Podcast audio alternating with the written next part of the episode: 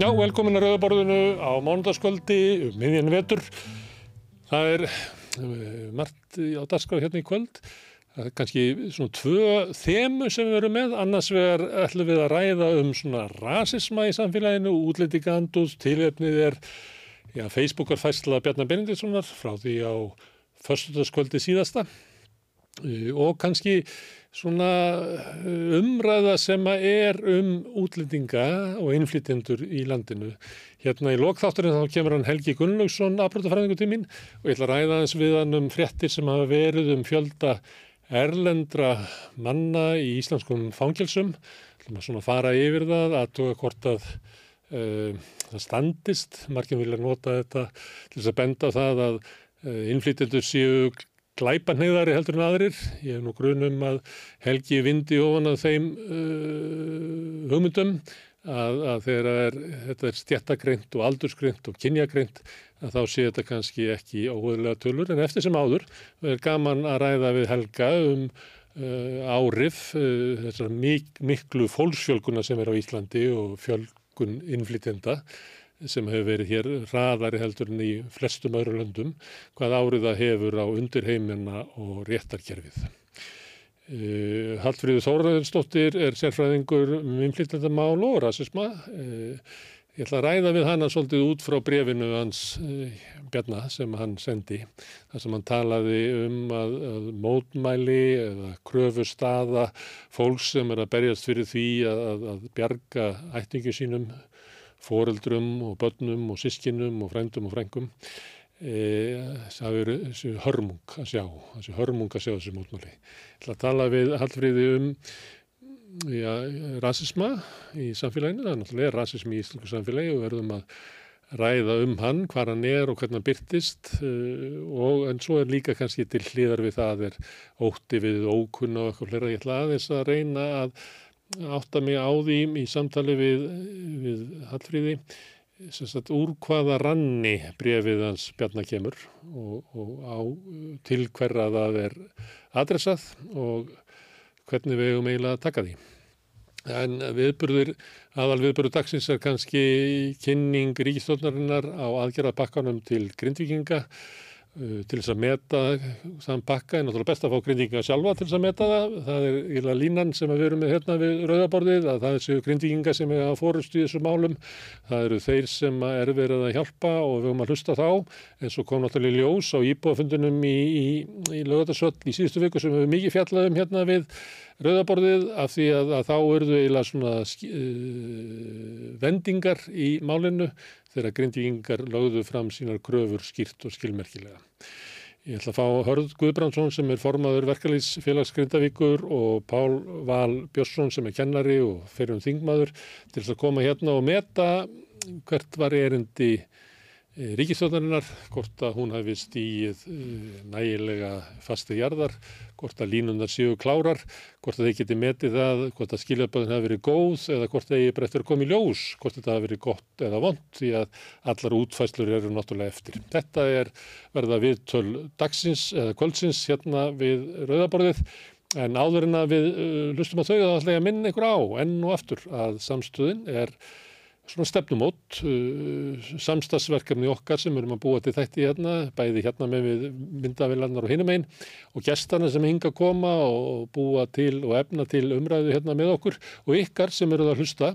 Þeir getur hjálpa okkur við að byggja upp samstöðuna með því að benda vinnum og vandamönnum á efni sem ykkur líkar vel við, segja fólki að við erum á Facebook og við erum á YouTube og við erum á öllum hlaðvarsveitum, við erum í útvarpinu á stór höfuborgarsvæðinu, 89,1 á FM, en það má líka ná í útvarsendingarnar í spilaran, það er spilarin.is á netinu og spilarinn er líka app sem geti hlaðið niður á síman og hlustað á samstöðun og allar íslenska sjónvarstöðar hvað sem er í heiminum. Og við erum komin í sjónvarp til þeirra sem að sækja fjarskipti og sjónvars, sjónvarsefni til símans, þar eru við nummer 5 í rauðinni á fjárstyrningunni vonandi munu önnur fjarskiptafyrirtæki bjóða sínu viðskiptaverðum upp á samstöðuna í, í fremtíðinni og sem allra fyrst það er nú margir sem er að hafa sambandið okkur og, og kvarta yfir því.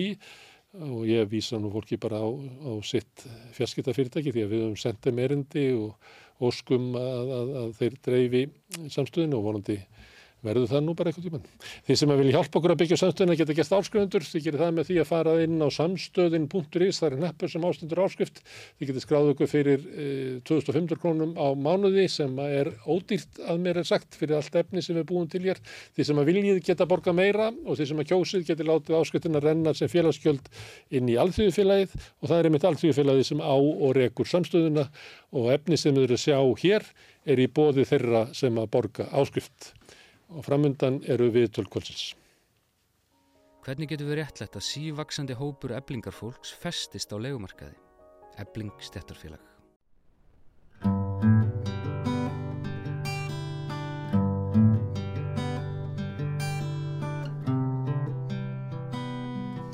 Já, allir frétt dagsins ég ekki aðgerðapakki ríkistjónarinnar uh, út af Grindavík. Ég held að það sé ekki vafi á því. Ég hef ekki fengið tvo fastagesti, þeir eru eiginlega fastagestir hérna grindvíkingar, Hörður Guðbrandsson, formaður verklæsfélagsins og Pál Valur Björnsson, uh, kennari, fyrir þingmaður. Herðu, Hörður, þú hefur gengið með svona kröfulista í vasanum og líklega látið stjórnvöld fá það. Hvað af þessum óskalista fegstu í gegn?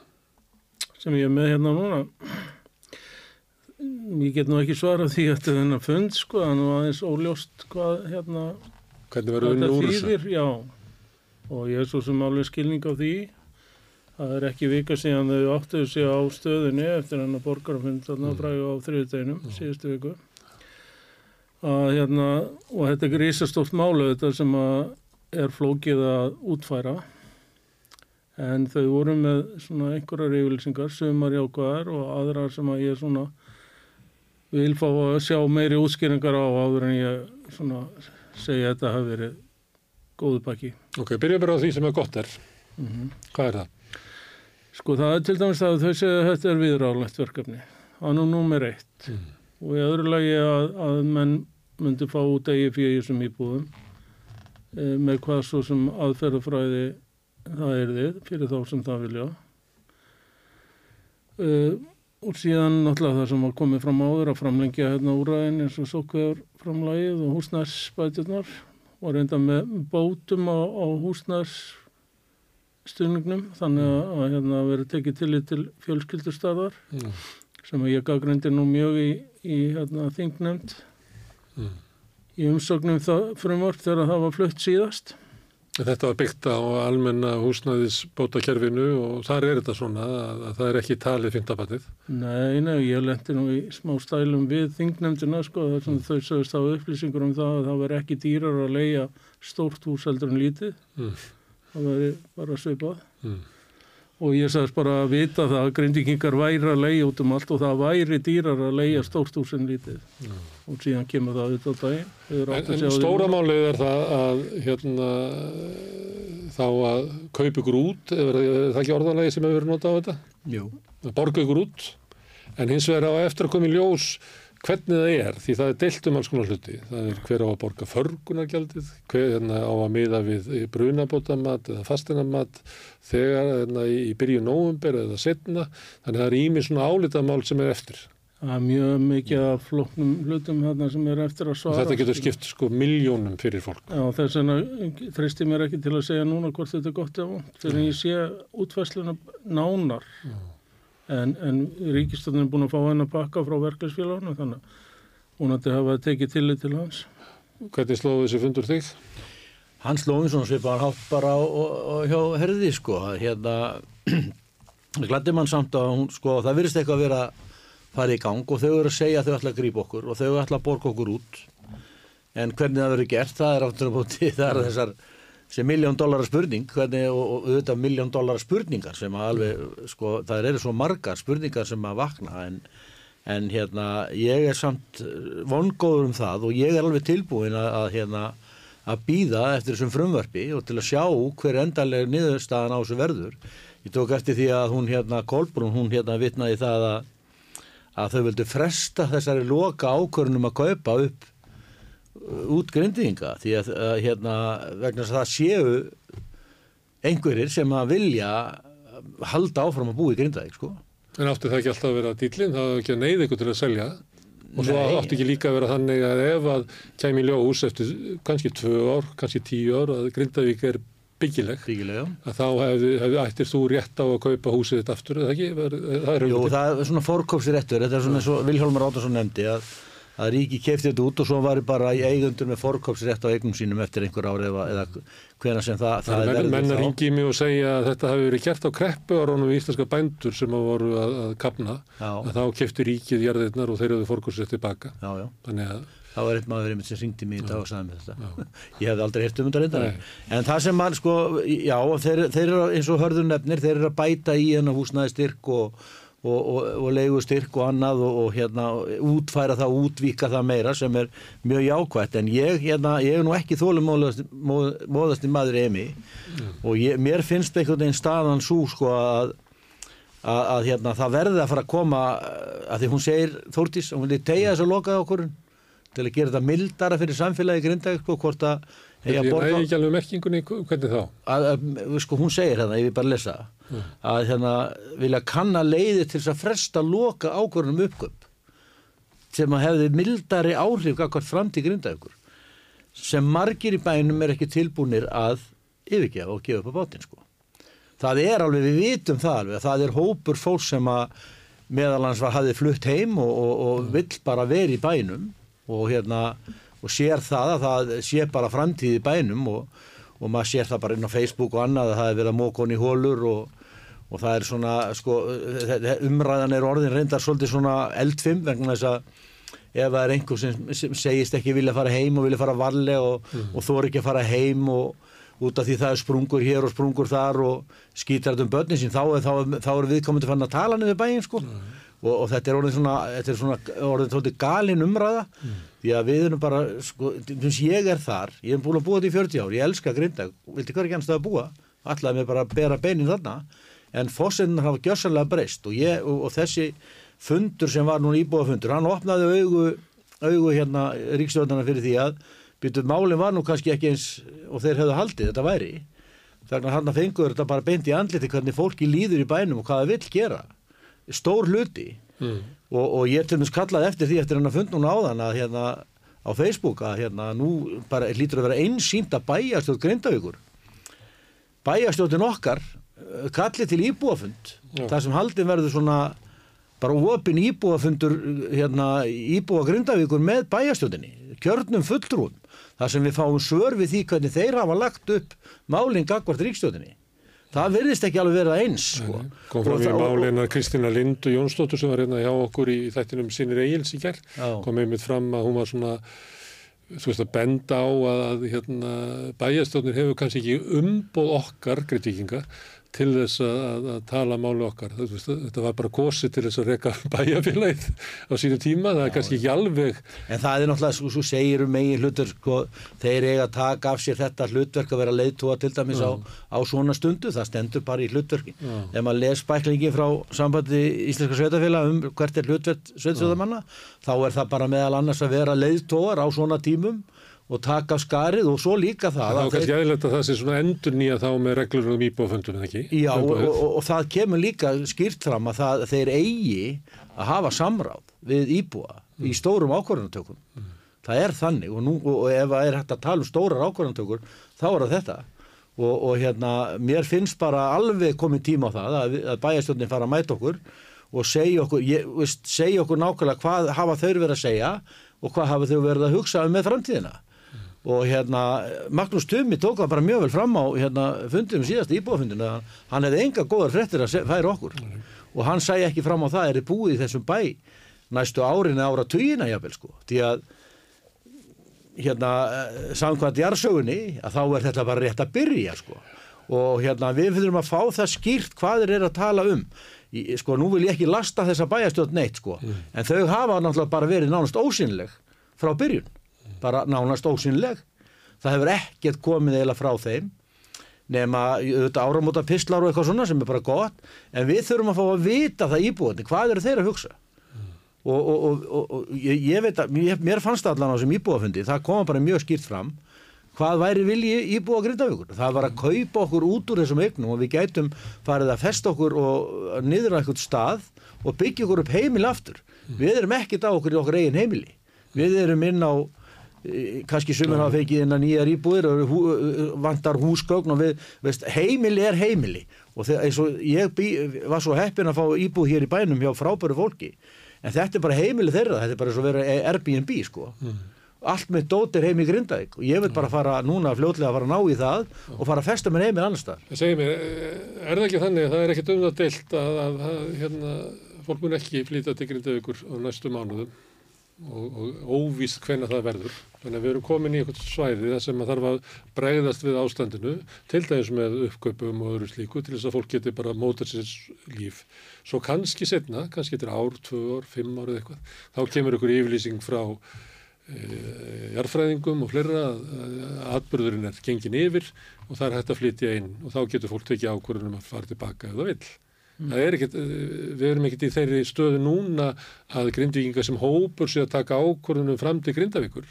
Þetta er bara, þetta er staðan eins og hún er og á þessu tímabili getur það gerst að atvinnufyrirtækin að þau koma sér, eh, fá fótvestu annar staðar, koma sér upp starfsem annar staðar og verða bara að gera það og kannski er ekkit líklegt að öll er að koma tilbaka þannig að það veit enginn hvers konar grindavík það verður ef hún verður byggð upp aftur.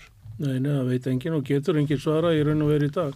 Það er líka þetta sprungu, mikla sprungu svæði sem að flækir hlutin ennþá meira. Það er ekki bara þessi atbyrður sem ennþá er í gangi, það er kvíkusöfni núna og alveg líklegt að það endi með einhverju kvíkulöpi eða gósi eftir mánuði eða cirka. Já, og við erum ekki að tala um sprungur, við erum að tala um heilu kvelvingarnar sem eru hann undir. Já, Þú veist það ekki, ekki svona eins og fólk þetta kannski huga sér sprunga sko. Nei, þetta verðist vera alls konar en það er sem betur fyrir verið að rannsaka þetta núna það er náttúrulega grundvellu fyrir öllu til að taka ákvarðanir það er að vita hvernig hlutirnir eru Mm. Eh, þetta var mun meira og, og hættulegra heldur en ég held að menn gerða sig grein fyrir og svo bara greinlega við síðasta atbyrð var, reyfing á þessum sprungum enn og aftur þannig að Mynda snýr sigdalur. já og núna eru konið tveir sigdalir Mm. Sikkur með við íbúrúsin á mér held ég Nei, Og engi getur sagt að hérna, sigdalur er hættur að síga, það er ekki sem að tristir þetta að segja það. nei, nei. Þannig að ástandið er þannig að, að og, og ríkistjórnin er að adressa það að, að grindvíkinga geta þá fengið hérna, eigið fyrir sitt út, byrjaði nýtt líf einhvers þar annars þar, já, já, kannski komið tilbaka. já, já.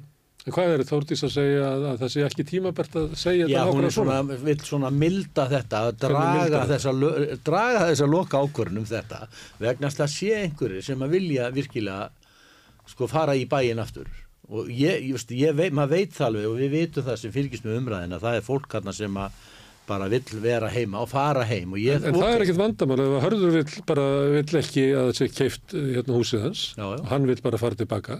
Þú vilt eins og vera að það sé fáðu greitan út. Það er ekkert vandamál. Nei, nei, það, ég sé það ekki. Hörður ég, þarf ekkert að samþykja að þú sett greitur út eða öfugt. Nei, nei, Ég sé alls ekki að það þurfa að stangast á sko, ég held að fólk getur bara valið sjálft hvað það vil gera í þessu, þú veist, með að við allavega tilöðunar eins og viðlöðunar fram, þá er það bara þannig að fólk verður keift út og á brunabótamati og með fólkásrétti til einhverja x ára, uh, við, hefum nefnt 25 ári í því. Uh, og svo framvegs, þannig að þá bara tekur fólk ákvörðan hvort það vill fara þessa leið eða ekki, Já, það er einfalt. já, Mm. ég er bara alveg samanlega því. Mér veist fólk eigi bara að hafa þetta val. Já. ef það, vill, ef það vill hafa húsin sín þarna á búi, ég menna við erum búin að sjá það að það var rýming 20. november og síðan svona kom eldgósið átjónda og svo fór að hægjast um og það undan einhverju þrýstingi, ég veit ekki hvaða hvaðan sá þrýstingu kom, þá að verða í þrýst á það að fólk fækja að fara inn í bæin aftur og fá að sofa og það tæki þá að sína eigin ábyrð og menn fór að gera það. Og svo kemur rýming aftur. Og síðan veitum við ekki, það er ennþá landris og, og, og hérna og, og, þeir hafa sagt okkur þetta þetta muni koma til með að standa næstu árin ára dugina jáfnvel og er fólk tilbúið þá bara vera alltaf að fara inn í Grindavík og, og, og, og, og rýma svo bara alltaf á, á, á fjögra, fimm vikna fresti? Ég meina, ok, ef að fólk vill það þá er alltaf bara að lifa um það ég er ekki tilbúin í það. Nei, nei, og ég veit að það er fullt af fólki sem er ekki tilbúin í það. Nei, nei, og fyrirtækin hérna, get ekki planað út frá því. Nei, ef þetta er eitthvað fristjúsatna eða saltursverkun, þá getur ekki búið til plan fyrir framtíðina um, upp á þessi bíti nei, að verka fisk á milli gósa eins og, nei. Eða hvað hörður? Jú, en, en nú bara veit ég ekki vel hvernig fyrirtækin hérna, hugsaði þetta alveg, en hérna vantarlega eru þau með plan A, B og C og eitthvað. Já, já, er að leita sér bara húsnæði Já, annars já, staðar og- ég, mynda, ég mynda með það, þessi stóru fyrirtæki allavega. í, í fórstjóra vísis sem að, var með hugmyndur um að, að flytja helst eitthvað starf á Reykjanesið var með hugmyndur um að samina sveitafjöluðar var í sprengisendiger Mm. Já, já, bæði... þannig að menn er að hugsa stórt Já, já, menn er að hugsa stórt, ég meina það er nóg byggingaland þarna bæði í, í, í hérna Reykjanesbæ og sem og í Sangeri, ég meina Jónas Karl Þóraldsson fyrir um formaður knarsmið dildar og þekktu grindvíkur, reyndar samkynningur í, í að upplægi sem kom, flutti heim til grindavíkur á sínum tíma og, og hérna hann kom með þá hugmynd bara að byggja nýja grindavík í Sangeri, já, það, það er nóg landrými þarna sko, það vantar ekki. Við getum byggt alveg tvæð þrjá grindavíkur grindvík, hérna grindavíkur út um, út um suðunis, það er ekki það. Það er bara spurning hvernig útvæslan á því að vera.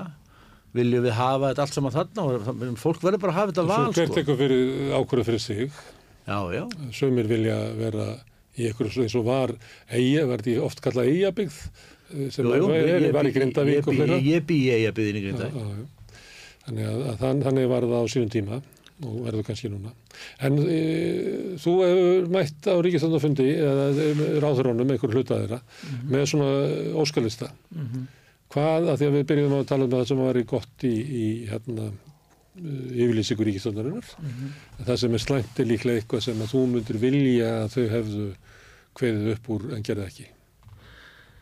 Já, ég óttast í fyrsta lagi sko um leið og eru búin að segja að við ætlum að taka grindvikingi í fangi og þetta er alveg hægt að þau munu vera með eitthvað mikið flækjusti á sig að því ég veit til dæmis að náttúru hanfara trygginga hérna aðferðin er mjög flókin að hérna bæta tjón og svona og næri alls ekki yfir alla skemmtir hérna þannig að ég, ég, ég óttast má þess að þau fari svo mikið flækjustig að þetta muni taka mörg ára greið úr þessu. En ég veit það ekki, ég vil sjá hérna og fá meiri útskýringar. Það er ekkert, eh, það er ekkert, leggur ekkert fyrir núna að þau ætli bara að fara þá leið því að það er þannig að, að hérna, í gegnum þann sjóð að þá er hægt að hérna, bæta húsið ekki lóðina og ekki innkistluna og eitthvað svoleiðis. Og ára förgunargjald og hitt og þetta. Eh, segjum að, að sá sjóðu borgarbræði sem hann á að gera samkvæmt eh, reglugerðum og lögum. En síðan er ekkert sem segir að, að, að þá bæti ríkið það sem ávandar eða ríkið takja sér förgunargjaldið eða Ég sé alveg mikið flækjustig þarna og síðan vakti mig aðtekla mín að, að hérna, þau nefndu ekki að hérna, taka þetta á braunabóta mati Nei. sem að skipti miklu máli hvort það tekja á því að einhverju öðru mati það getur skipt bara miklu máli hvað þú átt í hverju fastegn með hvað matir, eftir hvað mati er greitt út Já. þannig að ég, ég bara pínulítið óttast þetta en vonaðum leið að hérna, þetta sé óþarf áhyggjur af mér ég er ekki búin að sjá onni í bakkan hjá þeim bara umbúðunar eiginlega. En munurinn er gríðarlega mikill, það munar bara 10-15 miljónum á, á hús. já, þetta er gríðarlega munur. Og það er mikið munur. Við getum Þetta- breytt öllu ef að þú fer með þitt eigið fyrir til þess að kaupa þér íbúð annar staðar að hús, þá getur þetta munað öllu. já, algjörlega. Hmm.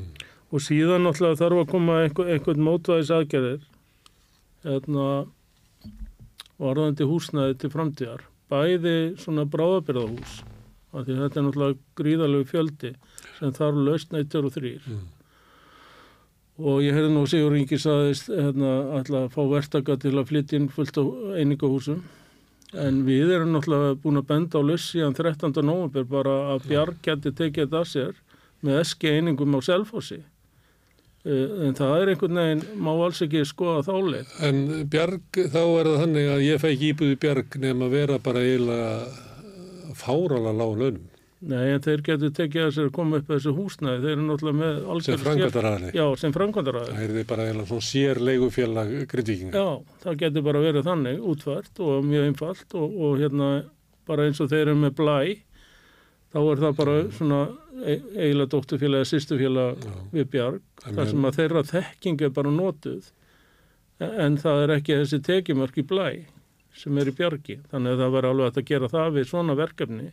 Og þetta byrja eitt félag, það þarf bara að byrja á einhverju bíði og þetta er gott nafna og hérna sem það. það var ágætis kostur vegna þá var þetta líklega einhver fjöldi íbúða. Og svo segjum að Grindavík byggist aftur, það flytja grindvíkingarnir eða þú veist þeir bara eins og gerðist við hérna eigabyggðunar, nú er þú í, í svolítið byrstuð þar að þess að vera frá Já, já. að, það, að, að þá verði það á í höndunum á þeim því að bak við vanda grindvikinga er gríðalegur húsnæðis vandi á, á Íslandi sko. Já, já, og Já, já. svo bætist þess að 12-13 íbúið til viðbótar og það er nú verið að gera könnu núna hjá, hjá hérna, Grindakubæ um, um hérna, stöðu fólks á húsnæðismarkaði og það, það kemur fram könnun og held ég ekki búin samt en, en ég held að einhver bráðabyrða neðustæða hjá þeim sem voru búinir að greiða hérna, taka þátt í henni að hérna 50% af þeim Mm. grindingum er að fara út úr sínu næst, innan við þre, þremmu mánu, næstu þremmu mánu. Það er í bráða vanda. Já, þannig að við erum aftur að fá hennan hóp Já, út á marka. út á Þú veist, þetta er endalust. Það eru Það 600 eru bara skamtíma lausnir endalust. Það eru 600 íbúður sem vantar já, í kvelli. bara helst. En hérna fyrir júní. tók uh, ríkistöndið ekki fagnandi að þið varu til í að gera þetta með þessum verktökum hérna í Þorlásöfn? Já, nú veit ég ekki alveg út af hverju það er þeir hugsa, hugsa hérna einhvern veginn öðru sem við og hérna, en þeir hefðu nú betur bara tekið allar okkar til hérna fagnandi hérna tíunda því að það sem ég heyrði til dæmis á, á borgarafundinum á, á þriðdægin var gaggrína á það sem þeir tóku ekki upp frá okkur sko Mm. eins og í húsnæðismálum. Vi, við vorum líka með Airbnb setja höft á það. Að vísu var Sigur Ingi með einhverjar yfirlýsingur um það að er einhver höft sett á það. En það er þá bara loksins. Nú myndum maður ætla það að það væri hlutverk ríkistöndar að stíga fram inn í svona vanda og þannig að þeir sem er í vandanum upplifi það sem verið að vinna að lausn. Að vinna við það. En ég heyri það, maður heyri það náttúrulega á borgarafundunum, að grindvikingar upplifa það ekki, að ríkistöndar sé að stíga inn í að vanda og þannig að fólk sé ekki, fólk upplifi það ekki að þetta fólk mun leysa minn vanda. Og svo heyrir maður vaksandi að svona efasendur um, um bæjastjórnina og hvað fyrir þarna á milli og þannig að sömuleyti er þá hópurinn í einhverju svona, hvað við að segja, vantrösti kakvart stjórnvöldum.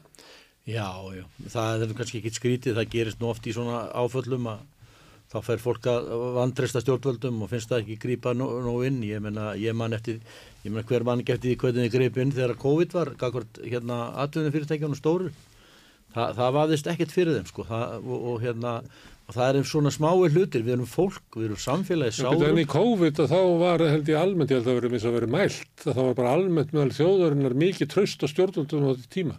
Já. Treystur stjórnvöldum í að stýra COVID, ég held að það hefur bara verið 95% eitthvað. Já, kannski Hvernig var- heldur að vera í koninu við myndum gera það meðal grindvikinga í dag? ég er ekki vissum að það er því hátt. En það kannski gerir það að þau, þau, þau tóku þrjár manneskjur og settu þau í frontin fyrir sig sko. Mm. Fólk sem allir treystu og hlustuð á og, og hlýttu og, og alltaf fram, það myndist með þessi slagur eins og hlýðum víði og, og alltaf fram til göttunum. Við bara, við treystum á þetta fólk og þetta var daglega upplýsingafundir um hvað var að gera. Svo er náttúrulega upplýsingamálinn fyrir okkur grindvíkinga.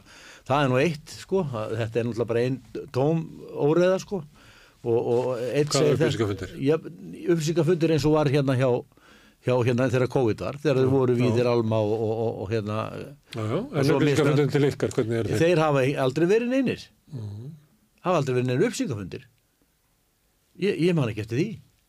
Það er bara, við erum að lesa þetta hinga og þangað, upplýsingar þessi segir eitt og þessi segir annað, þarna stendur eitthvað. Og, og, og svo eru menn alveg bara í hár saman og, og, hérna, þetta er eins og bara með, ég, ég, man, ég held ég að koma fund hérna, á, hérna til þín, það sem ég sagði meðal annars og ég sagði líka út af svitali og rúf, að það eigi bara mynda svona teimi sem sérum að koma upplýsingu til grindvíka daglega og bara það sem að, hvernig er staðan í bænum, hvað er verið að gera, hvað er framtíð, hvað, hvað er bæjastjóndin að hugsa, hvernig er, og eitt frá hérna eh, veðurstofunni, Já, herru, hann kemur bara daglega með hvernig staðan er á reyfingum og aðlögunum og hvað sem þetta allt sem þetta heitir og síðan bara hvernig er ástandið á bænum frá almannavörnum og annað, þetta hefur ekkert verið svona. Og eh, það var hérna mætti bara vera rúf 2, bara eitthvað fyrir ykkur. Já, sérstak- Þetta er ekki, þetta er ekki fundið fyrir okkur sem eru hérna upp á fastarlandinu. Nei, Rúf stoppaði ekki svona útsendingu þegar það byrjaði að gjósa, þeir voru bara með silfrið að tala um efnaðasmáli, hvað sem það nú var, en, en, en látu það nú liggja mellir hluta, en það var kona sem var að vinna á vakt hérna í Björgunarsveiti í Grindavík núna bara um helgina, hún kom með pistil sem að ég peild honum áfram þar sem hún tíundar nákvæmlega hvað var er að gera í bænum þennan dag. Og bara fá þessar upplýsingari til okkar það, það breytir öllu, það róa líka fólk það er ofsalegur órói fólki. Og, og, og hérna það eru margir ég meina Stefán Kristjánsson sá góði og mæti maður sem á einhamar hann, hann skrifa pistil núna um helgin líka um það hann er náttúrulega mjög áfram með það að við fáum að búa í, bænum og, og vera þar að, að við höfum alltaf, eða þeir grindvíingar hafi alltaf búið við þetta að það var sprungur hér og hellar þar og, og menn hafi verið að meiða sig og detta og, og meiri svo orðið döðsföll í svona svelli. Ég ég, ég man ekki betur en að maður hafi, ungu drengur hafi druknað þar við að kafa einhverju svona helli. En það skiptir ekki, kannski öllum áli núna heldur að hann vildi þetta og það, hann fekk gríðarlega góð viðbröð við því að hérna, þetta væri svona.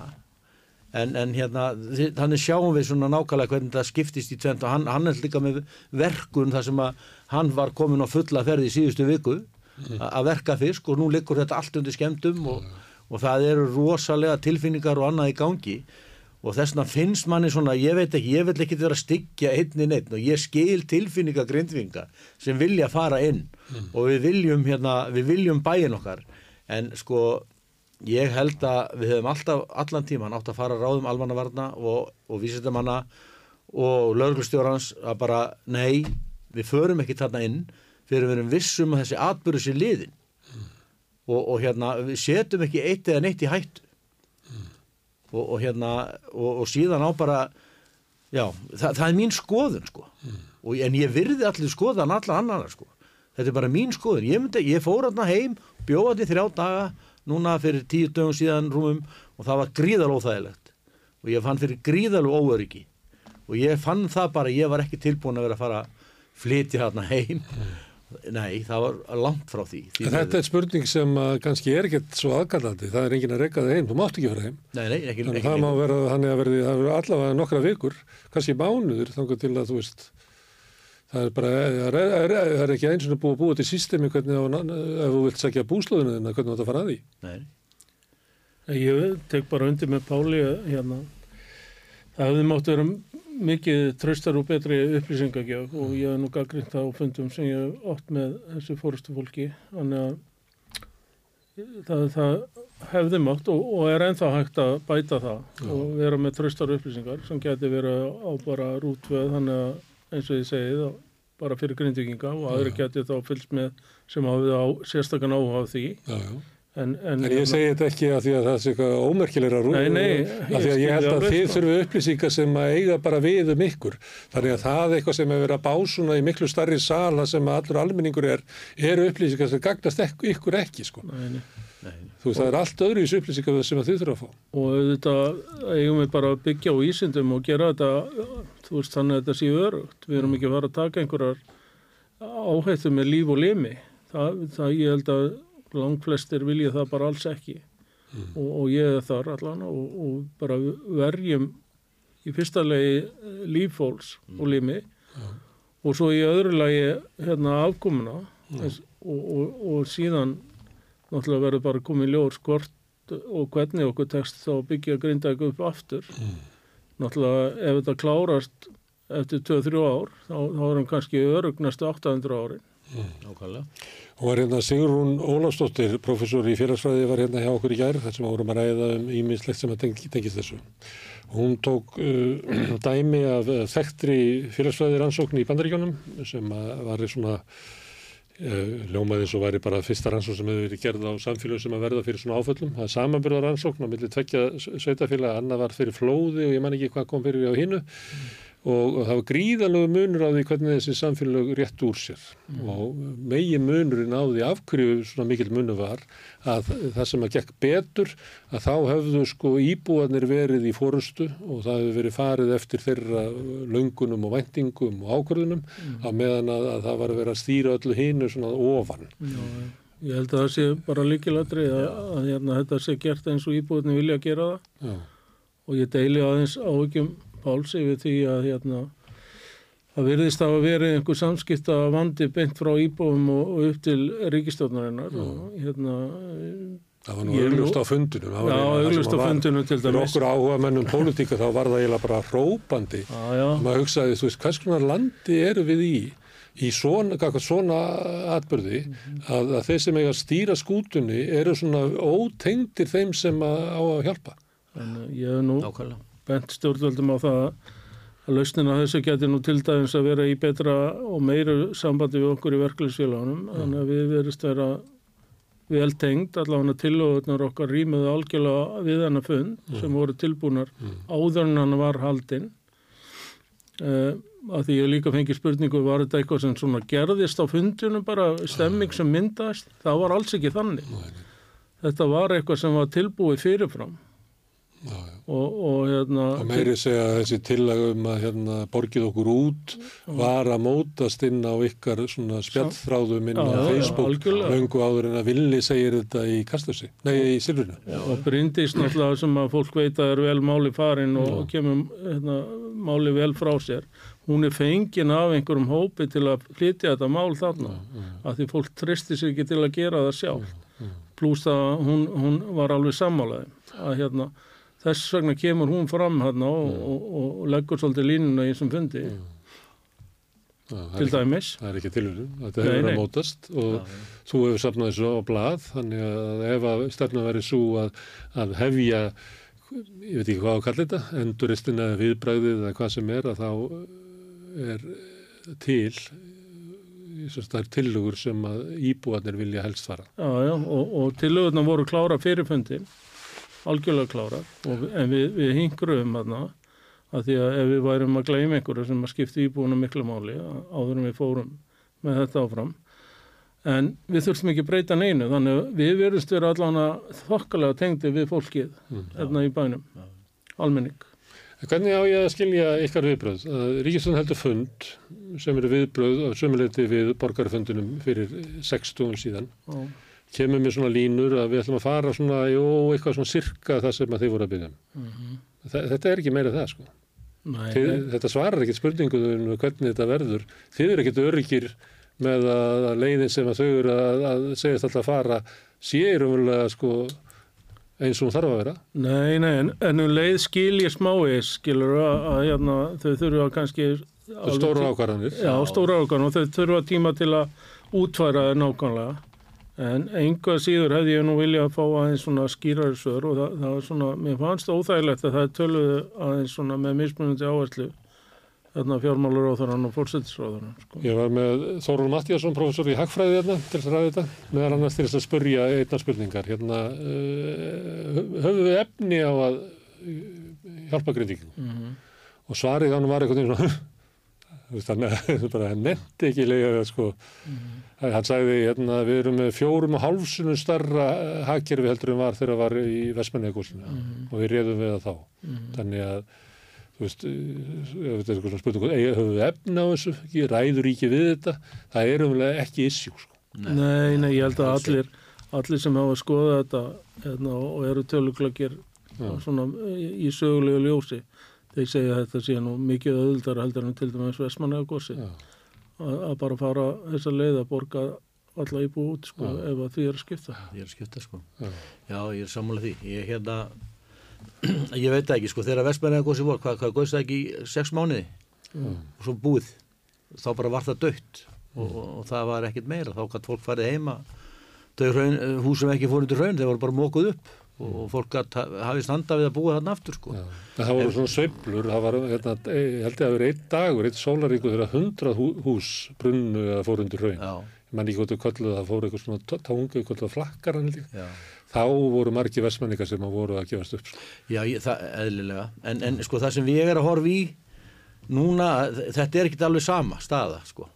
Þetta, þetta voru sex mánuðir þarna, þetta hefði getið verið lengur ábyggilega, en þetta voru sex mánuðir, búið, hefur ekkert reyfst síðan og fólk hefur flutt heim til Vestmanni aftur, ekki eins margir samt, það verður aldrei orðið jafn margt þar aftur, en hjá okkur er þetta búið að vera standa núna yfir í fjögur ár, þessar jarðhræringar og eldgós og það er byrjuð eins og ég sagði, hef sagt áður bara í fagrætarsvellunum, meradölum og geldingadölum og litlarúti og þetta var bara í þægileg fjarlæg falleg uh, svona túristakos og lö- lögðu að fullt af fólki og, og annað þarf til gotunum en núna bara erum við allt í nú komin með þetta bara inn í miðjan bæ sko.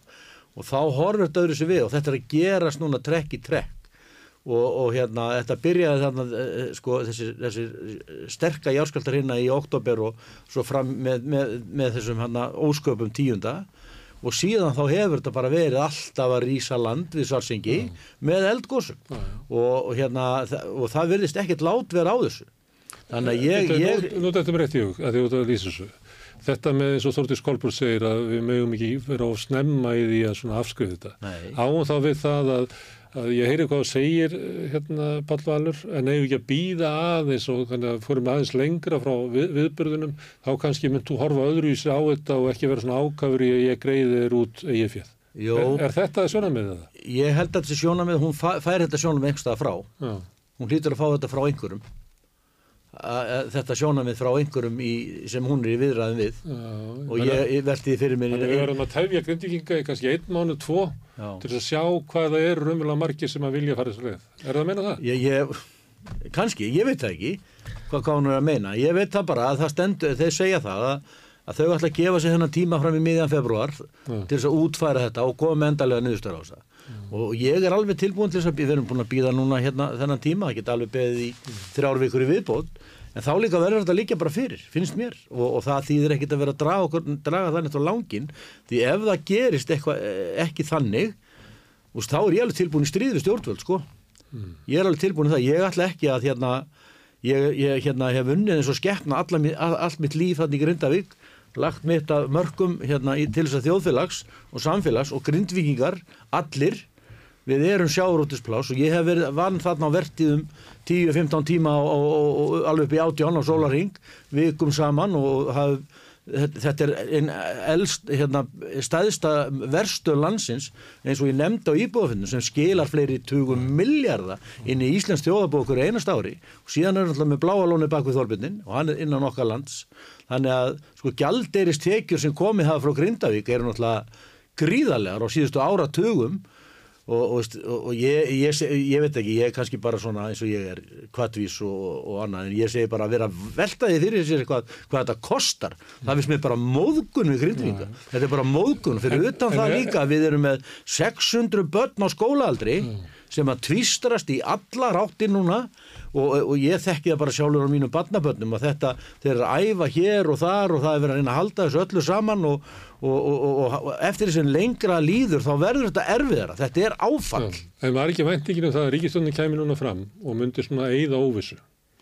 Já, En hún, hún veist vil meina hún sé að gera það. Ha, hún vil meina það. Já, eftir hún, hún, hún segist þér að taka óvissuna yfir til sín En mér finnst það ekki hljóma þannig vegna þess að segjum að ég væri þarna í, frá Grindavík og ætti þarna hús og segjum að, að hérna, ég skuldi bankunum 20 miljónir og svo sé óvíst hvort að húsið sé metið á 40 miljónir eða 55 miljónir því að banki fær alltaf sitt, hann tekur þess að 20 þannig það er bara og fráviki hvort það sé miða við þetta mat eða þetta mat, hvort það eigi að borga förg, banki myndi ekki borga förg, förgunargjaldið. Til þess að borga förgun má þetta segi- ekki bara standa þarna? Þannig að, að ég væri að býða og sagt að ég var að býða fram í miðan februar og ég veit ekki hvort ég eigi 20 miljónir eða 35 miljónir eða fyrir 40 miljónir til þess að fara og gera eitthvað. Ég verð ekkert ró, ég verð ekkert, ég, ég er einhver nær. Nei, nei, maður er ég, ekkit rólegur sko. Nei, ég Nei, er einhver nei. nær. en maður er tilbúin að býða sko en maður er ekkit rólegur. Nei. og þetta er nefnilega er stór spurning. Og hérna en, en ég er alveg tilbúin að gefa þeim þetta svigrum til þess að útverða þannig svona. En þá líka verður þetta að vera orðið útverð og, og, og, og ég hef sagt það og sagði það held ég á fundinum og einhver staðar að, að við að hafa bara að borga okkur út á fullu verði. Það er bara þannig það er bara svo lis Okay. en já, já, þess vegna hef ég, líka, skoðun hef ég líka sagt að ég get ekki svarað þessari spurningu núna. Þetta er ofa óljóst til þess. Kannski var þetta frábæð fundur, kannski var hann ömulur. Já, þá eftir að koma í ljós sko. en hérna, ég þarf að fá betri útskrifingar á mjög mörgum þáttum áður en ég get sagt hvort að þetta var eitthvað viðunandi fyrir grindvikinga eða ekki og síðan vorum við nú hérna, félögin með, með tilögunum það að þessar framlenginga og úræðum myndi ná út árið. Við sínist þeirra að farið þrjá mánuði viðbútt eitthvað fram í júni uh, sem að mér finnst nú eiginlega ofstutt sko, þá ertu strax aftur komin í aðgerðir. Þetta tekur allt svo langan tíma. Og síðan að stórauka svona sálfræð þjónustu og aðstóð við grindíkinga á andlega sviðinu. sem að við sjáum alveg að er, er, er, er. stórvandi sem að ekki hefur verið gripin. Það getur verið flóki fyrir þau að, að standa við því það hefur verið skortur og slikri þjónustu alls þar á landinu. Já, já, það er alveg flóki líka og er áskoran. Þú finnur ekki sálfræðinga bara með því að vilja það. En, nei, nei, ég veit það. En hérna, samt að gera ekkert í því, það, það kemur bara þá ennþá starra vandamál setna. mér sko Það er Það er bara helbreyðskerfi sem að er nú ekki. Já, Það, það fær þá bara stóran pakka inn til sín af, af hérna, veikum grindvikingum. Þú verður samanlu það hérna félagsfræðingar og sálfræðingar hérna í gær Já, að það má eiginlega ekki horfa á það að vera að spara því að það sem hún sparar í núna kemur verður miklu dýrara í framtíðinni.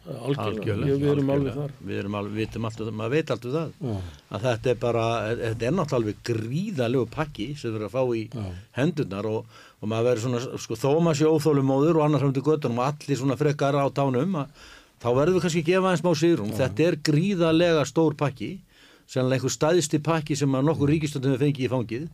Og við verðum svona að- anda aðeins í kviðin þessar þrjár vikur og, og sjá til. að móta þetta. móta þetta og, og, og En, hérna en líklega á leiðinni að því að þið hafið áhrif á það hvernig þetta móta þannig að það er náttúrulega mikilvægt að grindvíkingar láti í sér heyra hvernig er vilja að pakkin verði. Já, já þeir segja það líka, þeir ætla að vera í nánu samstarfi við bæjastjórn og þessna segi ég að bæjastjórn á að koma með íbúafund og hlusta á okkur íbúana. Hvernig, og ræða við okkur, sko, þeir eru kjörni fulltrúar okkar öll sumul og við viljum, að, ég menna auðvitað hefði ég viljað að bæjastjórn veri miklu meir ábyrrandi að berjast og, og, og, og djöflast í hagsmunum grindvíkinga en það er bara svo það er. En núna er komin tími til þess sko að því að eftir þennan fund það kemur þetta í ljós að þau ætla að vinna allt þetta í, þetta er allt í samráði, það er samráðsvinna og þetta, all, mjög gott mál en það verður líka að hlusta okkur í búana og mér finnst, þessna, finnst mér það ein, einsýnt að bæjarstjórnin búiði bara núna til fundar í þessari viku eða bara snemma í næstu viku það sem þessi mál eru rætt til hlítar. Það sem fólk fer að segja sitt vegna þess að ég tók eftir því bara á, á íbúafundinu, ég sá ekki einn einasta meir, meiri hlutamann úr bæjarstjórn á íbúafundinu, ekki einn. Og ég sá tvo bæjarstjórnamenn hann inna og þeir voru, þær voru báðar um minni hlutanum sem er, mér finnst reyndar alveg bara með hreinum ólíkitum sko. Hörður, þú vilt líka sér hlusta á verkefnisfélagin? Já, já. Segðu mér eitt, áttu ekki að vera að semja? Jó, jó, ég er svo sem ekki í þessum samninga viðraðum. Nei. Uh, hvernig líst þér það? Heldur að, að þetta ástand hafi áhrif á samningana? Þetta verður alveg öruglega notað, sko, eins og fallváir var notað 2019, þá verður þetta nú öruglega alveg blóðmjölka til að hérna, kýla niður kröfur verkefælsfélagana. Við spurðum Þórur út í þetta, hagfræðing, hann taldi ekki neinar ástæður. Hann sagði bara efast um að þetta hefði áhrif raunverulega á landsframsla. Nei, nei, ég hef bara sammálað því mati en, en ég held að bæði samtök aðtunleifsins og ríkið muni nota þetta alveg reynd í bótt til þess að reyna að keira niður kröfur verklæðarsenningarna. Það er bara liggur á borðinu finnst mér sko. En Þú ert með annað fólk til þess að reyka samningan áfram eða þú ert að sinna þessu. Já, já, og fundur núna í dag og ég veit ekki, ekki búin að fá fréttir af því en þá, en mér heyrðist þetta að vera þungt. Já, Þannig að það kemur mér ekki óvart að kannski slitnaðu búrðs í dag. já. Það er nóg um að vera í íþjóku samfélagi, nóg verkefnin Já, mikið. Nó, nó þeim Og stórum verkum. og þið í, í miklum verkum. Páll Valur og Hörður, takk fyrir að koma hingað enn og aftur. Og við höfum örglega eftir að heyra þetta aftur því að þetta er mál sem að mun verða fylgja okkur bara marga mánuði sko. Að, að, að komast ykkur lausn á þetta og hvert þetta þróast þetta er náttúrulega með stæðstu viðburðum Íslandsugunar, það er það er bara þannig Sammálaði. Takk fyrir, Takk fyrir mér. takk fyrir. Og við ætlum að halda áfram að skilja samfélagi sem við lifum í. Nú ætlum við að velta fyrir okkur uh, brefkorni sem að Bjarni Benediktsson skrifaði seint á förstudagskvöldi inn á Facebook. Ræðum það hér á eftir. Hvernig getur við réttlætt að sívaksandi hópur eblingarfólks festist á legumarkaði? Ebling stettarfélag. Með því að ganga í leyendasamtökin stiður þú baráttu leyenda. Leyendasamtökin eru fyrir öll þau sem vilja vinna að réttlæti og öryggi á húsnæðismarkaði. Leyendasamtökin.is Sláist í hópin og gerist áskrifendur.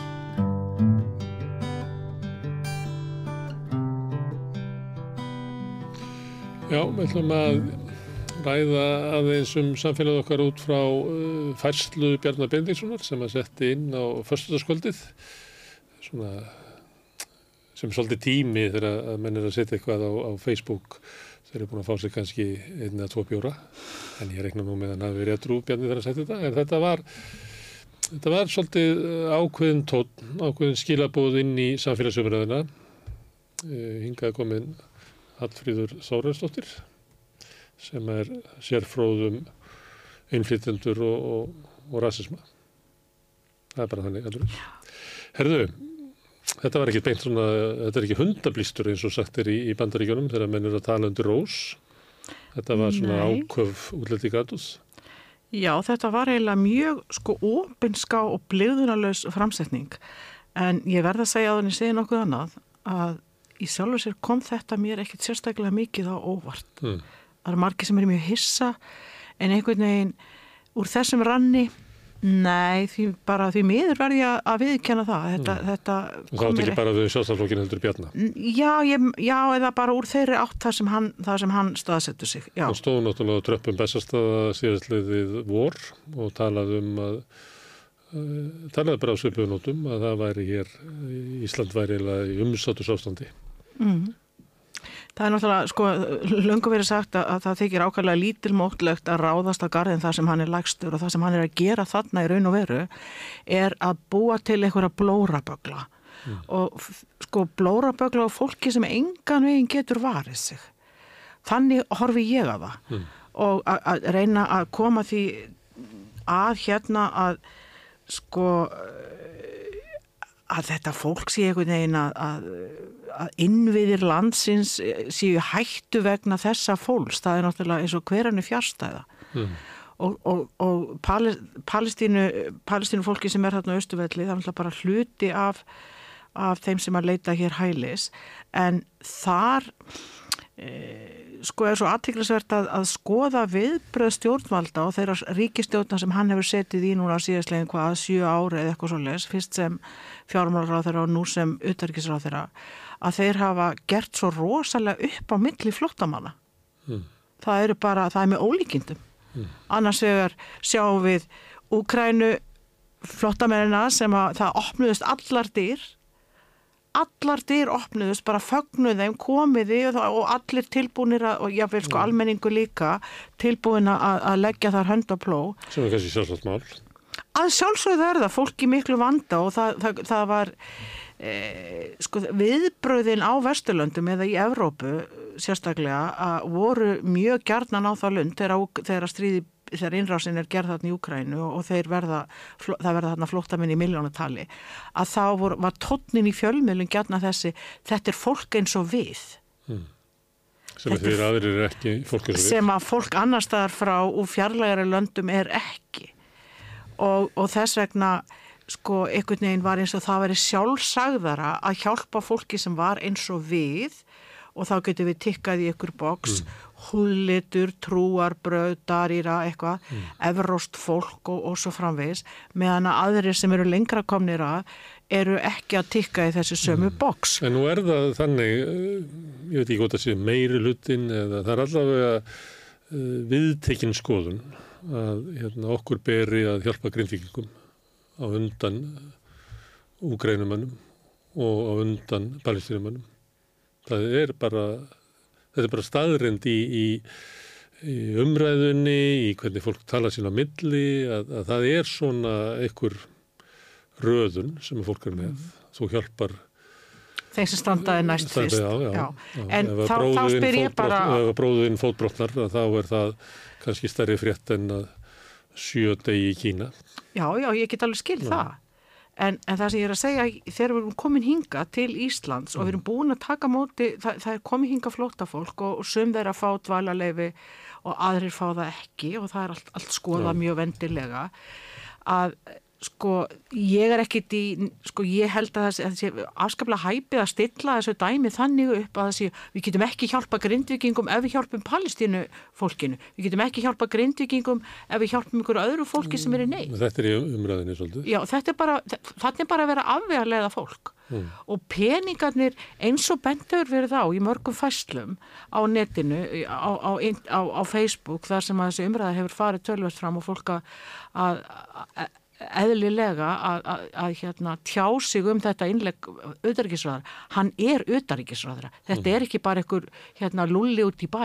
Þetta særði marga fannst þetta að vera fyrir neðan allar hellur. Já, sem, það að, sem það, ég tek alveg heilsugar undir það og, og sem að Erla eh, Serdar var að segja í morgun leta hafa eftir sér fjölmjölum að þetta væri svo sem hefur vikið með- verið að rannsaka hattursorðræði á Íslandi og er formaður Solaris mm. samtakana, mannrindarsamtaka að þetta væri, það verið verið að skoða hvort þetta fjalli undir hattursorðræði vegna þess að þetta kindir akkurat undir og það er það sem að virðist vera sko tilgangur utaríkisráð þeirra er að kinda undir útlendinga anduð og sérstaklega ekki útlendinga anduð gagvart bretum eða hvítum amríkönum eða e, nei, nei, útlendinga andu gagvart í fólki sem að hérna stendur hvað höllustum fæti vegna pólitískra ofsókna eins og palstínu fólk.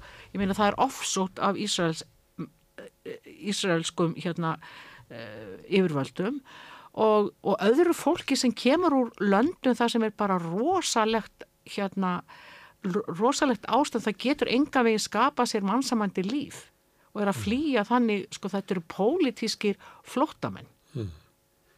Þarna er, er fólk sem að er að þrýsta á Íslands stjórnvöld um að bjarga ættingi sínum. Þau geta fylgst með það í símanu sínum hættuna sem að, að ættmenni þeirra eru í mæður og feður og bræður og systur og, og jáfnvel börn Uh, en uh, Bjarni, finnst þessi mótmæli vera hörmung. Og þá er það með að veltaði fyrir sér hvort að hann telji að, að ef að fólk fær hér hæli að þá uh, fær það ekki þar með rétt til þess að berjast fyrir hérna, öryggi sinna ættmenna. Heldur verður einhvern veginn að vera einhvern sérstað og vera kurteisara. Heldur það, þetta sé er þetta þannig krafa í honum að, að það er hann að fólk sem er með dvalarleifi hér en ok, þú mátt hafa dvalarleifi hérna en þú mátt ekki vera einhverjum mótmælum eða einhvern veginn að koma einhverjum kröfur og hendur Nei, það er mín bara eða- samkvæmt, samkvæmt lögun, ég bara flettið upp í morgun, Já, bara svona til fróðleiks. já, Uh, leiðbyrjandi sjónamið við veitingu dvalarleifis og grundvelli sérstaklega tengsla við landið mm. samber 12. grein úlningala og þetta var í dómsmálfrandinu og, og ég ætla bara að lesa hérna fyrir því bara ingangin á þessum leiðbynningum og mm. Ljó, ljóma svona. Það er stefna innriksráður að meta skuli mannuð frá öðrum löndum mikils vegna þeirra skoðunar að útlendingar stöðli að fjölbreyttara mannlífi. Bæti Íslands samfélag og geti aukið hávöxt og lífskeiði hér á landi er því mikilvægt að meðferð stjórnvald á umsóknum um dvalar og búsettuleifi sé sangjörn og tólkun á útlendingalögunum sé umsækjanda í vil.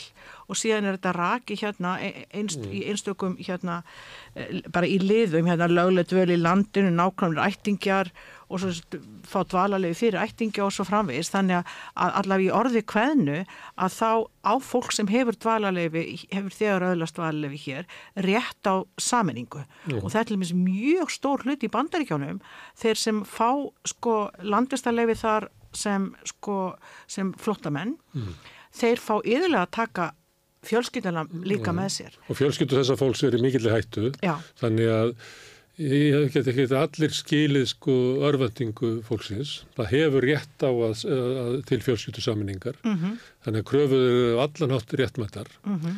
En uh, Bjarnar finnst það bara að þau ekki að uh, hafa svona hátt um þær og vera bara einhverstað annar stað með þessar kröfur. Hún finnst þetta að þau hafi ekki rétt til svona borgarlega Nei, hann hefur bara, ég held hann hafi bara hreinlega Á hverju sprettur það að, að þetta fólk, þú mætti gera þetta ef að, Já, ef ég að þitt mætti fólk alveg að sjálfsögðu gera þetta vegna þess að þitt ég fólk í fell undir einhverja, sko, ég er í lægi, skilur Mm. ég, ég fell í einhverja, flokk sem hann skilgreinir þannig væntanlega. Mm. En það sem er svo hættulegt við þetta, þetta er í raun og veru, þetta er náttúrulega bara þjóðirnispopulismi, sko að koma þarna fram í, í þessum hérna, þessar, þessar framsetningu hans, bara algjörlega hérna, hvað kalla maður það, óblandaður eða sagt bara pjúra þjóðinins populismi, það sem er að íta undir anduð á ákveðnu fólki, ekki öllu fólki heldur ákveðnu fólki. Og hvað er þetta ákveðna fólk, hvað veist, það er óbáslega islamofóbía eh, hérna tröllariðið Evrópu og í bandaríkjónu líka uh, undanfærin ár. Og þetta fellur þar undir, þetta fólk er, er, er, eru muslimar geðjast það ekki, það er, það er alls konar fordómar í garð þeirra sem að hafa eh, vaðið uppi. Já, en ef maður segir sko þetta sé svona þjóðinspopulismi þá vil maður kannski sjá það fyrir sér að, að þetta sé eitthvað maður sem er að spila inn á einhverja svona anduð með almennings. En er þetta ekki bara maður sem hefur þessar skoðanir? Jú, ég held það. En hann er ekki bara einhver maður Gunnarsmári, hann er auðarikisráð þeirra er og hann er stór er formaður- er stærsta stjórnmálaflokksins á Íslandi. Mhm. hann er leiðtogi peningaaflana í landinu, Mhm. hann er hluti af því, hann er sá maður ef eitthvað eins og bent hefur verið á í nokkrum færslum á Mhm. Facebook að þetta er maðurinn sem að hefur hvað? Jú, hann seldi pappa sínum bref í Íslandsbanka, hann var hann með sjóð nýju í hruninu, hann fekk 50 En hann má alveg miljardar tjá sig. hann má alveg tjá sig. En býtum við, sko þegar hann stillar þessu þannig upp sko sem sem kjörin, hérna líðræðislega kjörin pólitísku leiðtói í landinu og það er engin smá vikt sem fylgir því. Og allt sem pólitíski leiðtói segja eða fólk með völd, það hefur eðli málsins samkvæmt miklu, miklu meira vægi heldur en ég segi það eða eitthvað sem stendur á, á, á pappakassa á lækjatorki og, og segir nákvæmlega það sama. Og hann, þessi maður, við skulum ekki gleyma því að var nýlega færsla á Facebook um það að, að það var eitthvað fyrirtæki sem hann var eigandi að á samt fleirum mm. grosserun sem eru búin að fara marga ringi á hausinn og verðast alltaf geta komið neðu standandi. Þau fengi 50 miljardar láni frá einhverjum banka sem held að veri glitnir, glitnir bankin Glitnir sem að sko þetta var allt saman afskrifað. Það, sko það að stilla þessu þannig upp að, að, að flóttamenn í algjöru neyð sé það fólk sem er að ganga að innviðum hérna íslensk samfélags heilbriðiskerfin ratita bara ganga frá því. Við erum að taka móti svona rosalega mörgu fólki frekar en að horfa á alla miljardana sem búið er að sópa úr samfélaginu og, og, og fela í skattaskjölu, ég man ekki betur en að hann hafi verið með peningana sína eitthvað staðar á, á eigin fyrir utan Afríkustrendur veist, Já. þetta er maðurinn sem er að tala og, og, og reyna og, og setur sig í, í þá stöðu eða er í gerir sig breyðan Mm. Hann fekk nú stórrittarakrossin milli jól og njós. já það fannst mjög sérkennlegt En uh, sjálfstæðsmenn hafa kosið hann sem formann og í krafti þess að þá hefur hann myndað hér ríkistjórnir og og sjálfstæðsmenn vita allt sem að þú ert að segja um afskriftinnar hans og, og það hefur ekkert vantað umfjöllunum sko skandalatengt Bjarnar Bendísinni en það er einhver kjarni í sjálfstæðsflokknum sem að vill kjósan samt. Og, og hann hefur flaggað þessu, þessari afstöðu. Ég myndist á að hann var ekki verið kosin eitt síðan hann, það sem hann var síðastlið vor að tala um þetta við bestastæði en í, í sjálfum sér hefur þetta, þessi afstafa til útlendinga og hælisleitinda verið bara ríkjandi í sjálfstæðarflokksnum. Hún hefur líka verið ríkjand á Íslandi. Já. og bara öll útlendingar lögja okkar frá upphafi hún endur speklar alveg ótrúlega útlendinga andu og það verður bara, það verður að fara að tala um það umbúða löst Mm. og það er það sem að það hefur verið sko e, ég meina bara í svo talandi um hælisleitindur, ég var að reyna að fara, ég fór inn á útlendingastofnun í morgun sem sér um fyrir hælisleitindamál alltaf að reyna að fá okkur statistík og það næri ekki lengra en aftur til ársins 2015 og þeir settu nú ekki, sko, voru ekki með árskíslur alveg í mörg ári í röð, ótrúlegt, en á bylinu, sko, fyrstu pólitísku flóttamennir sem tekið er á móti á Íslandi á líðræðistímum, það var 1956.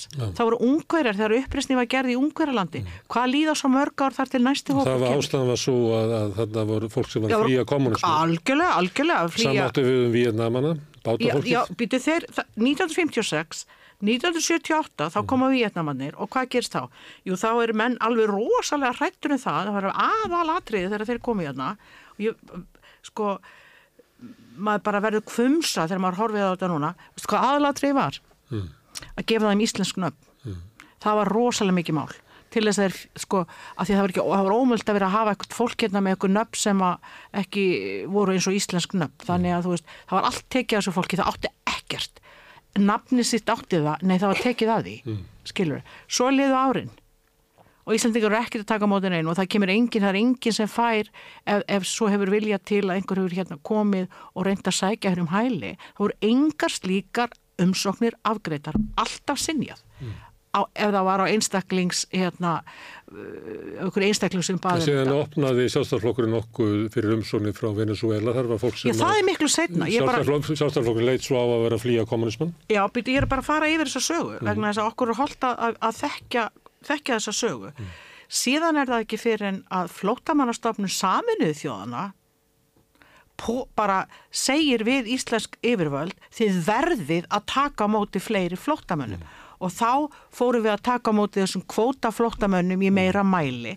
Það var allt saman handvali fólk og áherslan var lögð á konur, einstæðar mæður og allt þetta. Jú, Sérstaklega ef það var frá Arabalöndunum eða muslimskum löndum. Já, eða var alltaf- Suður-Ameríku. Það voru alltaf konur og börn af því að Já. við óttust, uh, af því að við lítum svo á að uh, fulltíða karlmaður sem er muslimi sér yfirverkamæður.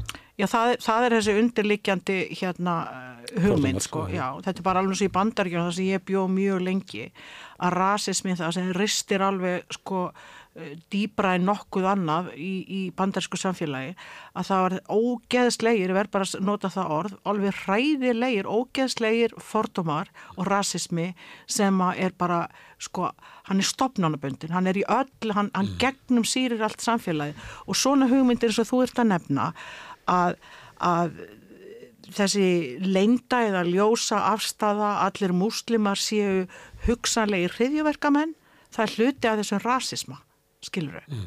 Ég ætla að halda áfram með, að, að, með þessa, þessa Sögu, sögurakningu því að það er ekki fyrir ná tíunda áratögnum sem það fara að koma hérna að einhverju ráði eh, kótaflóttamenn mm.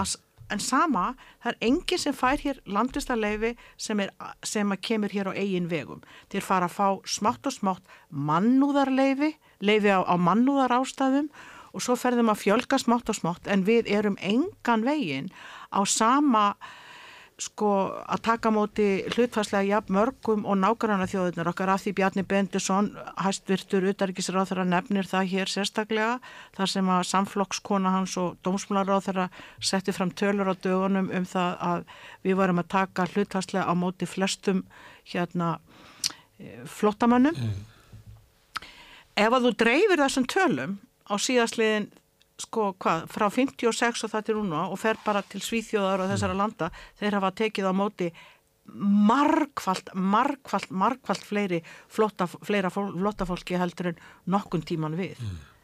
Þannig að, En það eru innflytjendur á Norðurlöndunum öðruvísi samsettir heldur en innflytjendur í Íslandi sem að við Íslandi er þetta fyrst og fremst fólk frá Östur-Európu sem er hingað að koma til þess að vinna en Já, já. í Danmörku og, enn frekar í Svíþjóð og þá eru þarna hópar flóttamanna í gegnum árið frá ymsum átakasvæðum, mikið að Suður Amerikunum á þeim tíma þegar að. Leinið þósta bandaríkina stóð fyrir valdaránum þar og, og, og þeir opnuðu dittnar, ég bjóði mitt í Svíþjóð um, réttur 1980 og, og kynntist inflyndamálum fyrst þar Mm.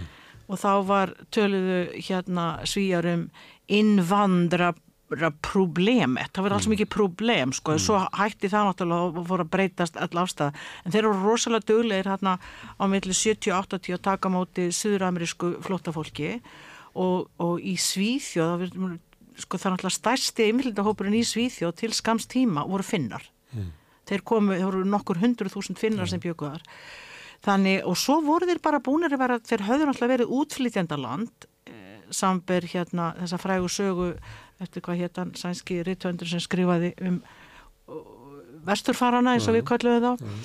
Um, Og sama um íslendingar, það eru fleiri íslendingar flutt frá Íslandi heldur en útlendingar komið til Íslands. Já, já, og muna það tölur verið miklu, við tökum verstuferðirnar, við tökum Ástrali, við tökum flótta íslendingar til Norðurlandana þannig að við höfum miklu meira flúið land heldur en að tekja móti flóttfólki. Já, já, og það, en, en sko, þannig, og það er, það er bara nánast fram að síðustu alda eða árþúsundamótum sem það, sko, það er ekki fyrir en þá, og það gerist það sem gerist hér á Íslandi varandi innflytjendur, ef við tökum bara alla, setjum flóttamenn líka þar, eða flóttafólk, að þá er, þá er, sko, eru ströymkvörfin eða vatnaskilin í raun og veru þarna um aldamótin. Fram að því var þetta samfélag einhvert einsleitasta samfélag bara veraldar og, og þjóðríki og það sem meira var einsleitnin var upphafin með öllum tiltækum ráðum. Það var þurkaður út málfarsmunur, það voru öllum talin trúin það að hér sætu allir við sama borð. Veist, það var upphafið, við áttum að vera, það mátti ekki menga tungumáli með útlenskum orðum, það var ljótt, það var hræðilegt, við áttum að standa vörð um hreinleika íslenskara tungu, við áttum líka að standa vörð um hreinleika íslenska hérna e, íslensku þjóðarinnar. Það átti ekki að- að blandast öðru blóði. Það voru hér gerða rástafinni til að, að koma í veg fyrir það að Íslendingar blönduðust eh, hérna blökkumönnum eins og það var kallað eða, og alls konar eh, sem voru komið hérna með hernum og alls konar svona varnar viðbröð og og, og, og þetta er hluti af íslenskri menningar pólitík sem gekk þvert yfir því pólitíska litróf. Það skipti engum máli frá alþýðubandala eða sósjálistaflokki yfir í íhaldið. Það var alveg sama afstæðan, nákvæmlega svo sama. Og þannig að, að útlendingalögin frá upphafi þau endur spekla þennan þessa þessa varnarstöðu, þessa útlendinga anduð og í raun og verið þennan þjóðkverfa þangagang og rasismin gengur út á það svona uh, rasismi er hugmynd sem kemur fram uppálega á átjándu öldinni sem eitthvað svona flokkunakerfa þess að flokka, eh, þú veist þegar að Linnett var að flokka alla plöntur í, í ættir og, og þá kemur þessi hugmynd fram að flokka manginni í kynstofna.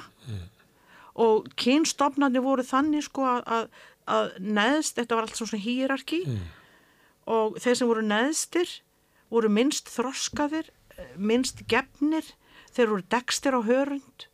Og, og svo Og með, með meiri glæpa neyð sem er notuð í umræðinni. jú, jú, alveg með Það sko er náttúrulega byggt bara á rasískum hugmyndum um að, að, að fólk frá tiltegnu löndum séu líklegri til glæpa heldur aðrir. ekki bara það, heldur við getum líka hérna minnst á það að Guðmundur Fimboason uh, fyrir um rektor Háskóla Íslands á í ykkur tíman á milli 20 og 30 eða eitthvað staðar fyrir og, og let sig engin málefni, sko það var ekki sem var um óviðkomandi, hann skiptir þess að því hvernig varalit konur voru með og, og skrifaði hérna harð orðagrein sem að fjallaði um mannkimbætur og þar sem hann var að tala gegn því að fátækt fólk á Íslandi eignaðist börn og líka nákvæmlega þetta um glæpanið fátæks fólks og annara sem ekki voru, sko manni hvort að myndist á það en það var alveg að sama tóganum og þessi rasísku viðþorfa að fólk sem ekki væri kvítt væri, væri hérna hefði inn, sko meðfæta glæpanið og, og væri síður gefið og ekki tristandi fyrir þín og þessu.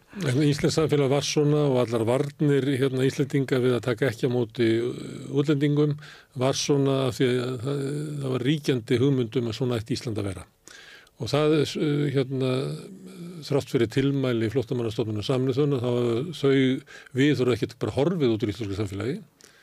Og þátt fyrir fjölkunu innflýtið hérna þá hafa ekki horfið svona. Og Bjarni er bara að tala innan úr þessum hópi. Hann vil hérna kannski er það með einhver hugmyndur um Make Iceland Great Again. Hann er verið um aftur svona eins og var 1960 eða eitthvað, ég veit ekki hvaða hugmyndir hann hefur.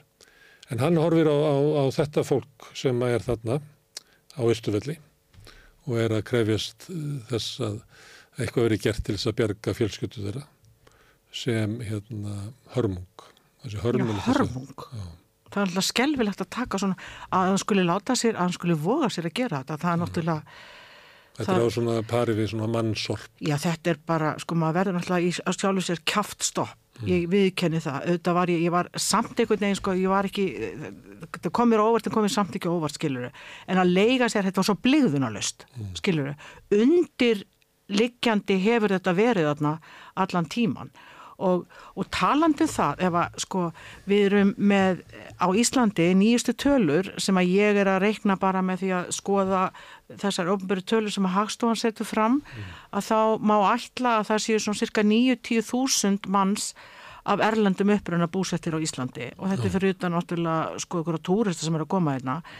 Þannig að samfélag hefur tekið alveg gífurlegum breytingum á rosalega stund tíma. Það sem er gerst á 60-70 árum ellendis er að gerast hér á 22 áratugum rúmlega. Og margir landsmenn eru ósáttur við þessa breytingu. Já og það er kannski líka vegna þess smáli, að, að þeir sem stýra aðstreymi erlends verkafólks eða starfsfólks inn á, til, til Íslands eru hverjir?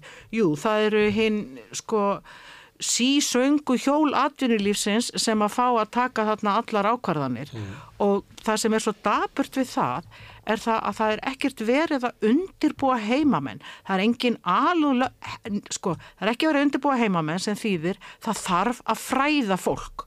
Það þarf að taka þessa umræði. Ég er að gera það í, í, í, í mínu starfi. Ég er, að, ég er með erindi og, og, og námskeið sem fjalla um sem sagt, það að vinna gegn fordómum og rasisma og, og bara skoða innflindalandið Ísland og hvað þýðir það fyrir okkur heimamenn líka af því að það má ekki gleyma því þessari jöfnu að, að því það er bara rakið, sko það er bara rakið til að, að lenda í algjörum árekstri ef að heimamenn eru ekki upplýstir ef það á að leggja það alfarið á aðkomi fólk að aðlagast íslensku samfélagi, sko þetta er bara eins og heitir á góðri ennsku a disaster in the making, þetta er stór slis í uppsiklingu og við sáum það til dæmis sko og þarna finnst mér stjórnum það var algjörlega brugðist, það vantar það þýðir ekki að horfa bara þá sem er að koma hinga við verðum að fræða heimamenn. Nákvæmlega til þess að koma í vekk fyrir svona pistla eins og Bjarni Ben, hann Já. veitir ekki það að fá fræðsluna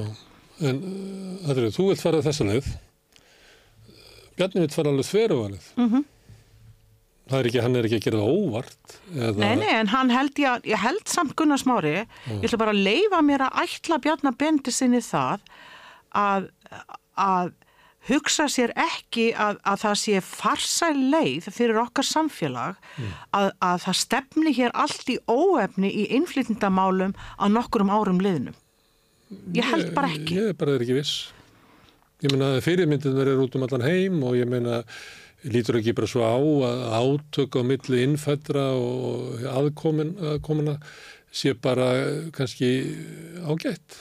Hagnist honum eitthvað hátt og hann sætt. Ég veit ekki.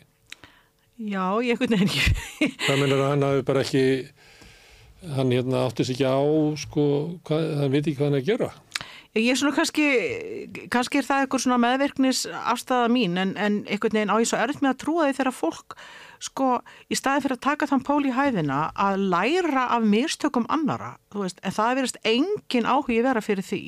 Og kannski og segi, þá ætla kannski hendar ákveðnum öflum í samfélaginu að hafa þessa blórabögla, geta eilíflega kent einhverjum ákveðnum hópi um skilur, undirbúa ekki hérna, hvorki skólakerfi veit að ekki nógu mikið fjármagn veist, til þess að taka móti þessum hérna, bæði börnum hérna það heitir á ennsku labor migrants eða þessu fólk sem er að koma hérna sem innflindir til, til starfa eða flóttafólk sem eru pólitíski flóttamenn og oft bara krakkar sem eru verulega löskuð eftir þann hrylling sem þau eru búin að gangi í gegnum.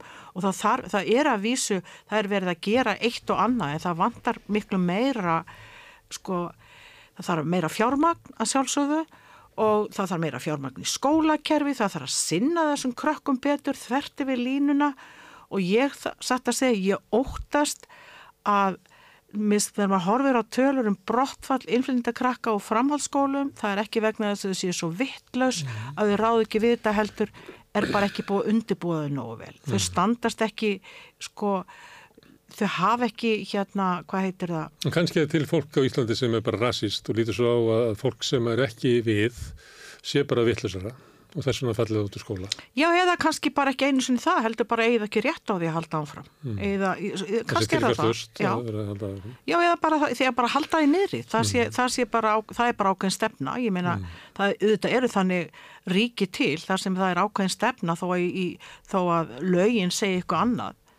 Ég meina, þá er rasismi hluti af, Og maður myndi ekki að ætla það að, að það sé afstæða stjórnvalda.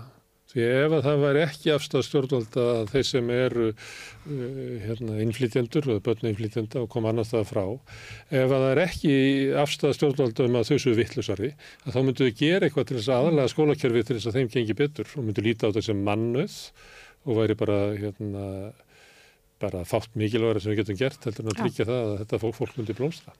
Já, ég, ég tek alveg heilsugar undir með það sem ég heldur sérst að segja einna og, og leirið til mig ef ég miskili. Ég heldur sérst að segja það að í orði kveðnu er þetta stefnan.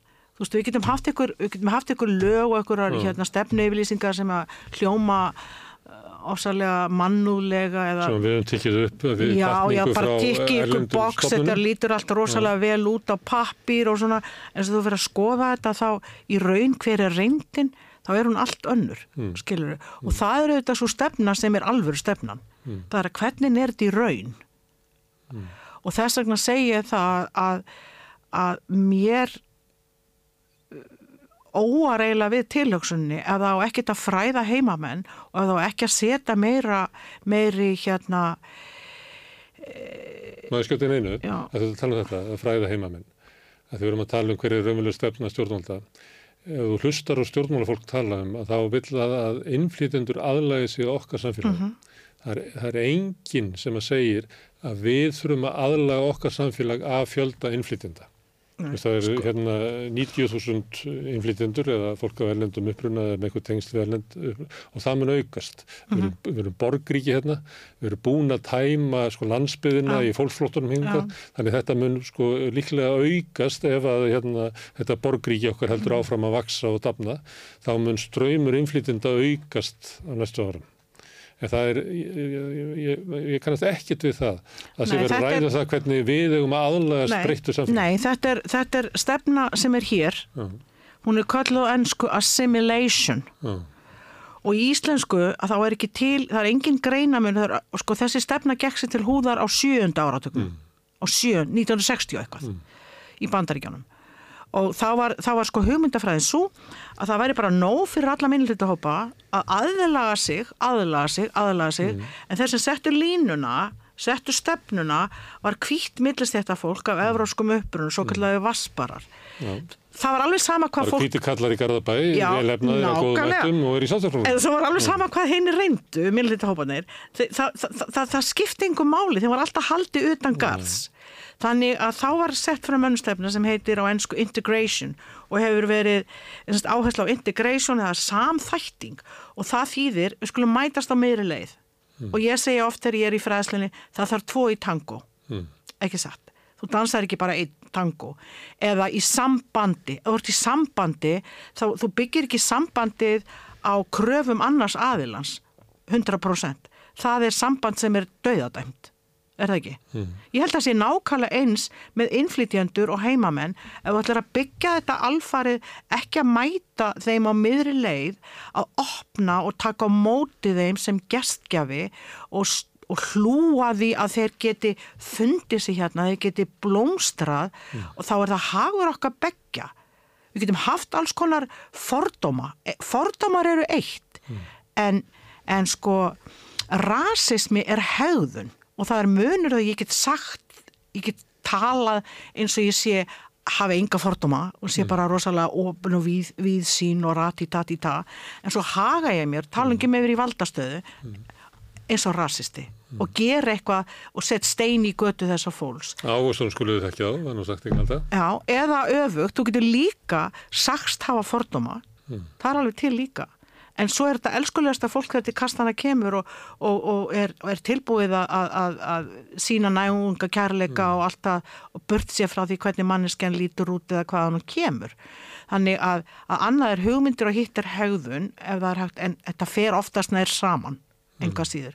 En ég, eins og ég segi, mér finnst sko Þetta, þetta, þessi yfirlýsing eða þetta innlegans Bjarnar Bendissonar er náttúrulega bara hræðilegt og ég vona svo sannarlega að flokksfélagar hans gerir aðtöðasemtir við þetta. Það er hérna mótmæli í Þískalandi í gegn eh, stjórnmálafloknum eh, hérna valkostu fyrir Þískaland, þess að myndi heita á íslensku. Uh, Þetta sprettur upp að þegar það kemur fram að á einhverjum innaflokksfundi þar að þá voru þeir by- komum plönum að vísa öllum flottamönnum og raunverulega öllum örlendu fólki út úr Þískalandi.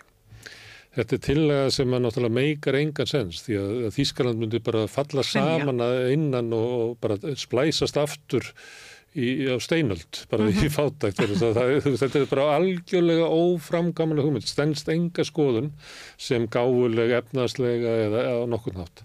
Samt er fólk með þessa skoðun, þannig þá veldur maður fyrir sér anduð fólks á hérna, innflytjendum og fólki úr öðrum sveitum heim, hérna, jarðar er bara svo sterk að fólk er jáfnvel til í að sko já, þetta er eins og velbrjótarnir þannig sem var á móti sko teknibreitingunum í upphæðu innbyltingarnar, þau eru bara til í að brjóta velarnar, þau eru bara til í að hafna þeim hérna efnaslega auð sem þjóðverið að búa við til þess að fá hérna að búa í hreinu landi.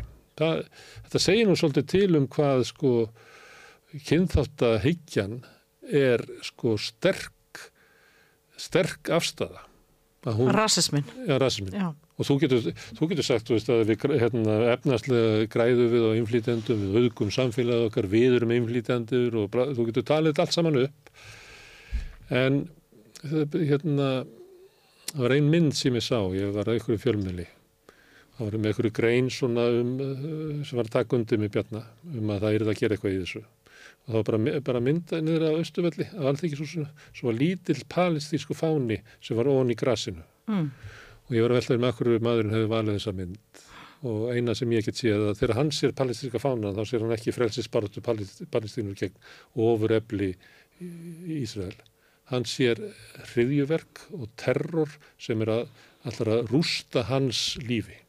Hann sér það þegar hann horfir á, á fánan. Og þetta, ég, þetta sé kveikin af hérna, hvernig Bjarni skrifar hann sér hérna ókn af fólkinu sem er að íðka líðræðið mm. og tjáningafrelsið og réttin til mótmæla og réttin til þess að sko láta í sér heyra, íta eftir stjórnundum sem að fólkinu Östufell er, er, að stunda.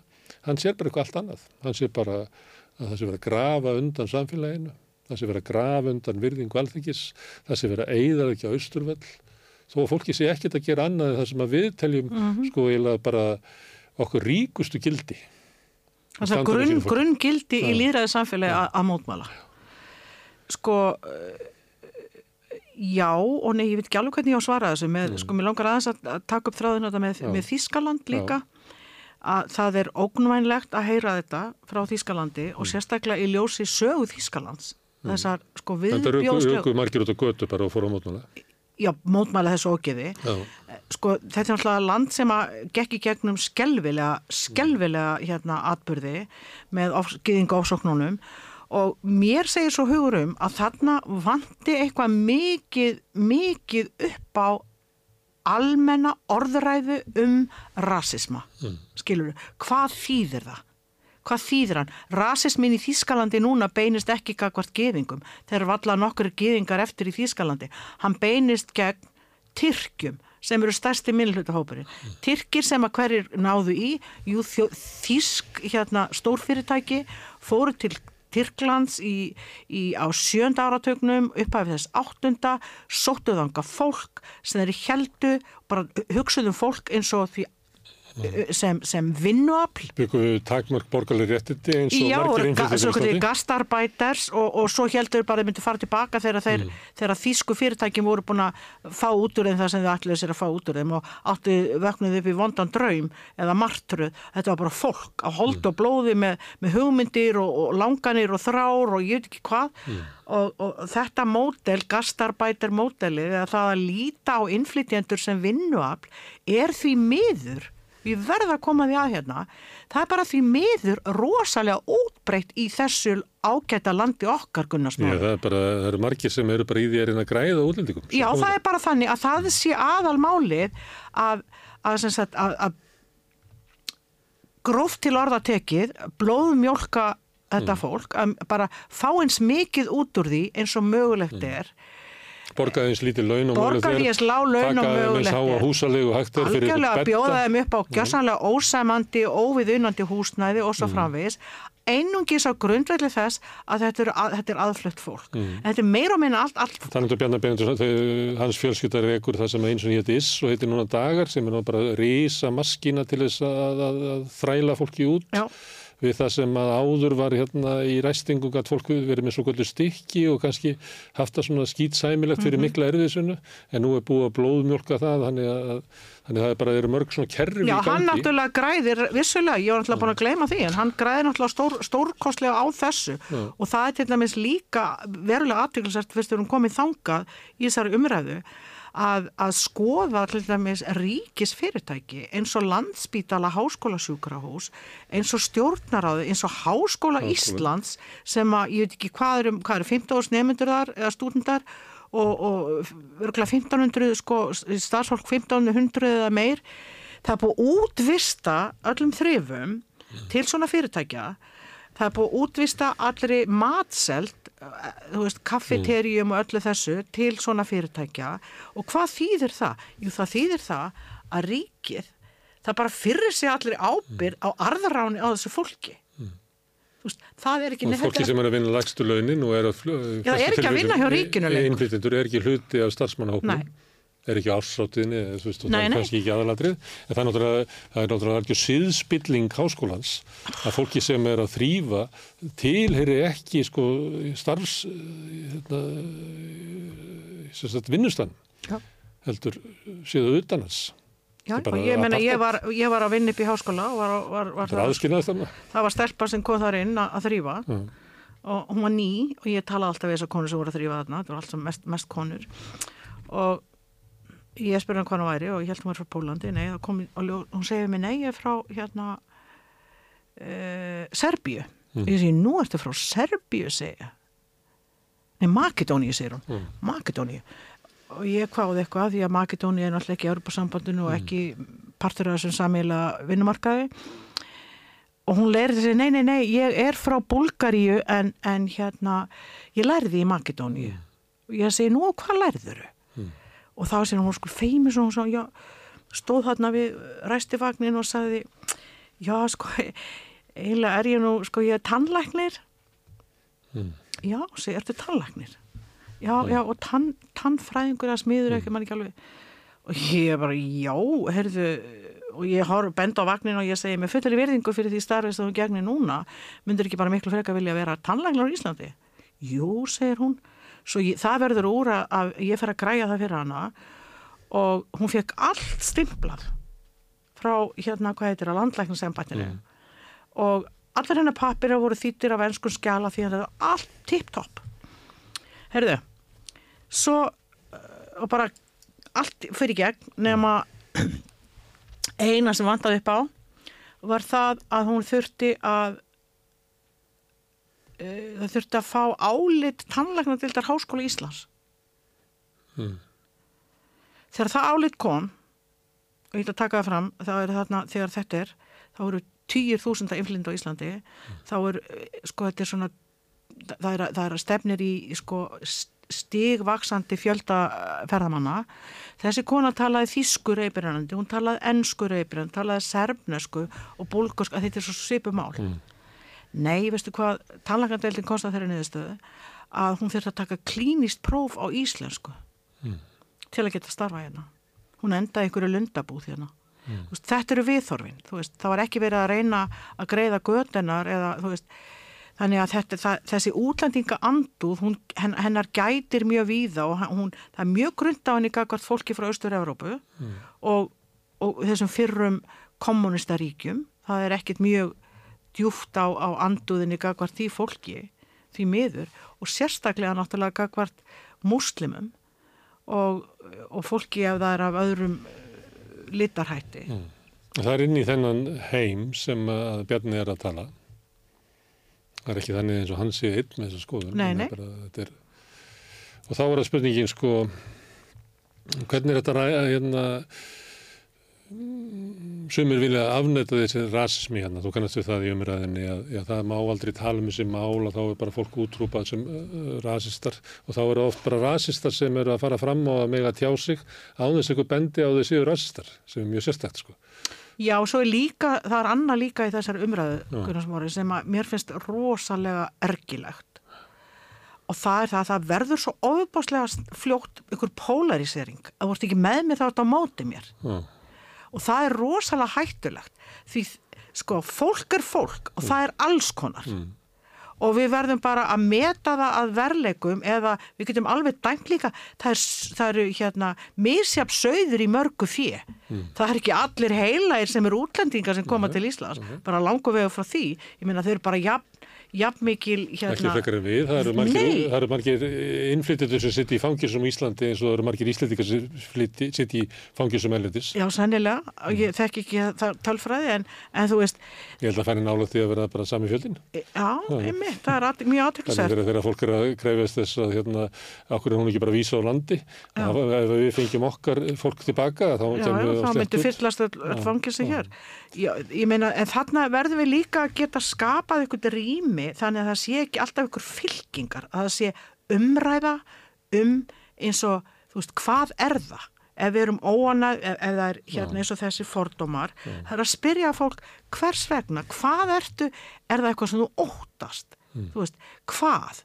Hvernig að ræða það frekar en að benda fingri og segja, þú ert rasisti, þú ert bara... Nei, nei. En ég, það er ekki að því að ef maður heyrir í, í umræðinni samt, sko, að fólk er að segja að, og það eru yfirleitt svona fólk uh, sem eru uh, að tala fyrir mjög svona rasískum afstöðu sem að segja þetta sem ég var að segja áðan. Að maður megi ekki tala um þetta þá maður kalla rasisti, sem er náttúrulega, það getur ekki verið góð stað að við afnöndum að sé rasism í samfélaginu og við megum ekki benda á að, að það sem að Bjarni er að skrifa þarna er bara rasismi Mhm. og það bara væri heimskulegt ef við myndum bara horfa fram hjá því og mætti ekki nefna það því að mætti ekki segja að það væri rasti. Já, það er náttúrulega rosalegt skammar því að vera rasisti eðlilega. Ja, nei, eða, þú veist það sem er að skrifa sér rasist. Já.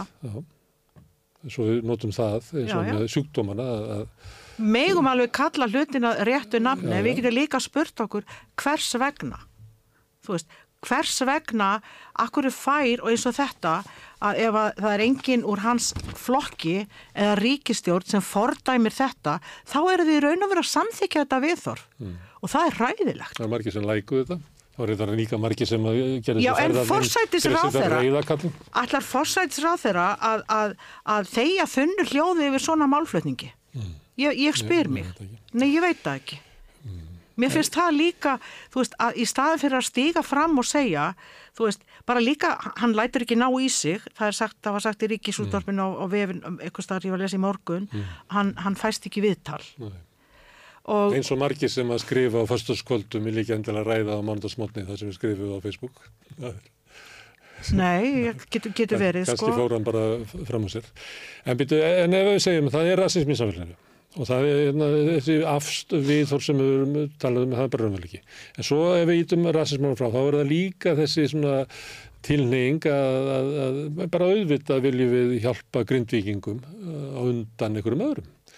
Og þá er það spurningin að til þess að geta haft almennt samtal í samfélaginu, eigum við að spurja Bjarna, þú veist, ég menna ef að, hvað viltu fyrir hvern palestinumann sem hún hleypir inn í landið, hvað viltu taka marga frá Úgrænu og eitthvað slíkt, þú veist, hvernig á þetta að vera í læginu, sko?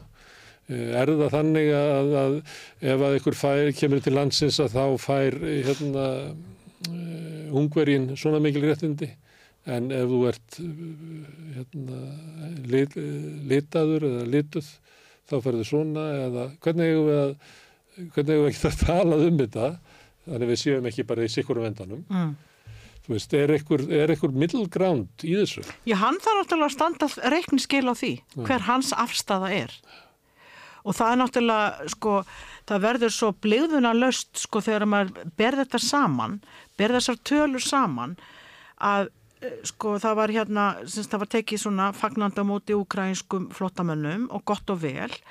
Eh, síðan var, sko, sem ég heldur endur að sé að veikjast svolítið því að uh, að ég er ekki hvort við getum ennþá sagt að hafi verið vel tekið á móti ég held að þessi fólk sem að er í sko miklu vanda og miklu erfileikum kemur hinga sko stríðishrjáð og, og þetta er mikið hérna sagt, konur með börn og okkur fleira þannig ég er ekki vissum að, við Ég held að sé alls móti. konar, það er bara spurning hvena líka þau komu á hvaða Já, tíma já. úr sagt, þeir sem hafa komið setna úr, veist, það er alls konar, alls konar og það er líka til Ég bara dæmis, með efasemdir um að við getum fullirt að við tekið vel á móti. já við tókum allavega á mótið þeim, það voru hér, hér stóðu dyrnar opnar og, og, og bara sómi að því, en þeir hafa til dæmis, ég heyrði það bara frá konu sem þekkir mjög vel til þessara mála, að sko úkrænskir flóttamenn hafa, þeir geta komið og farið.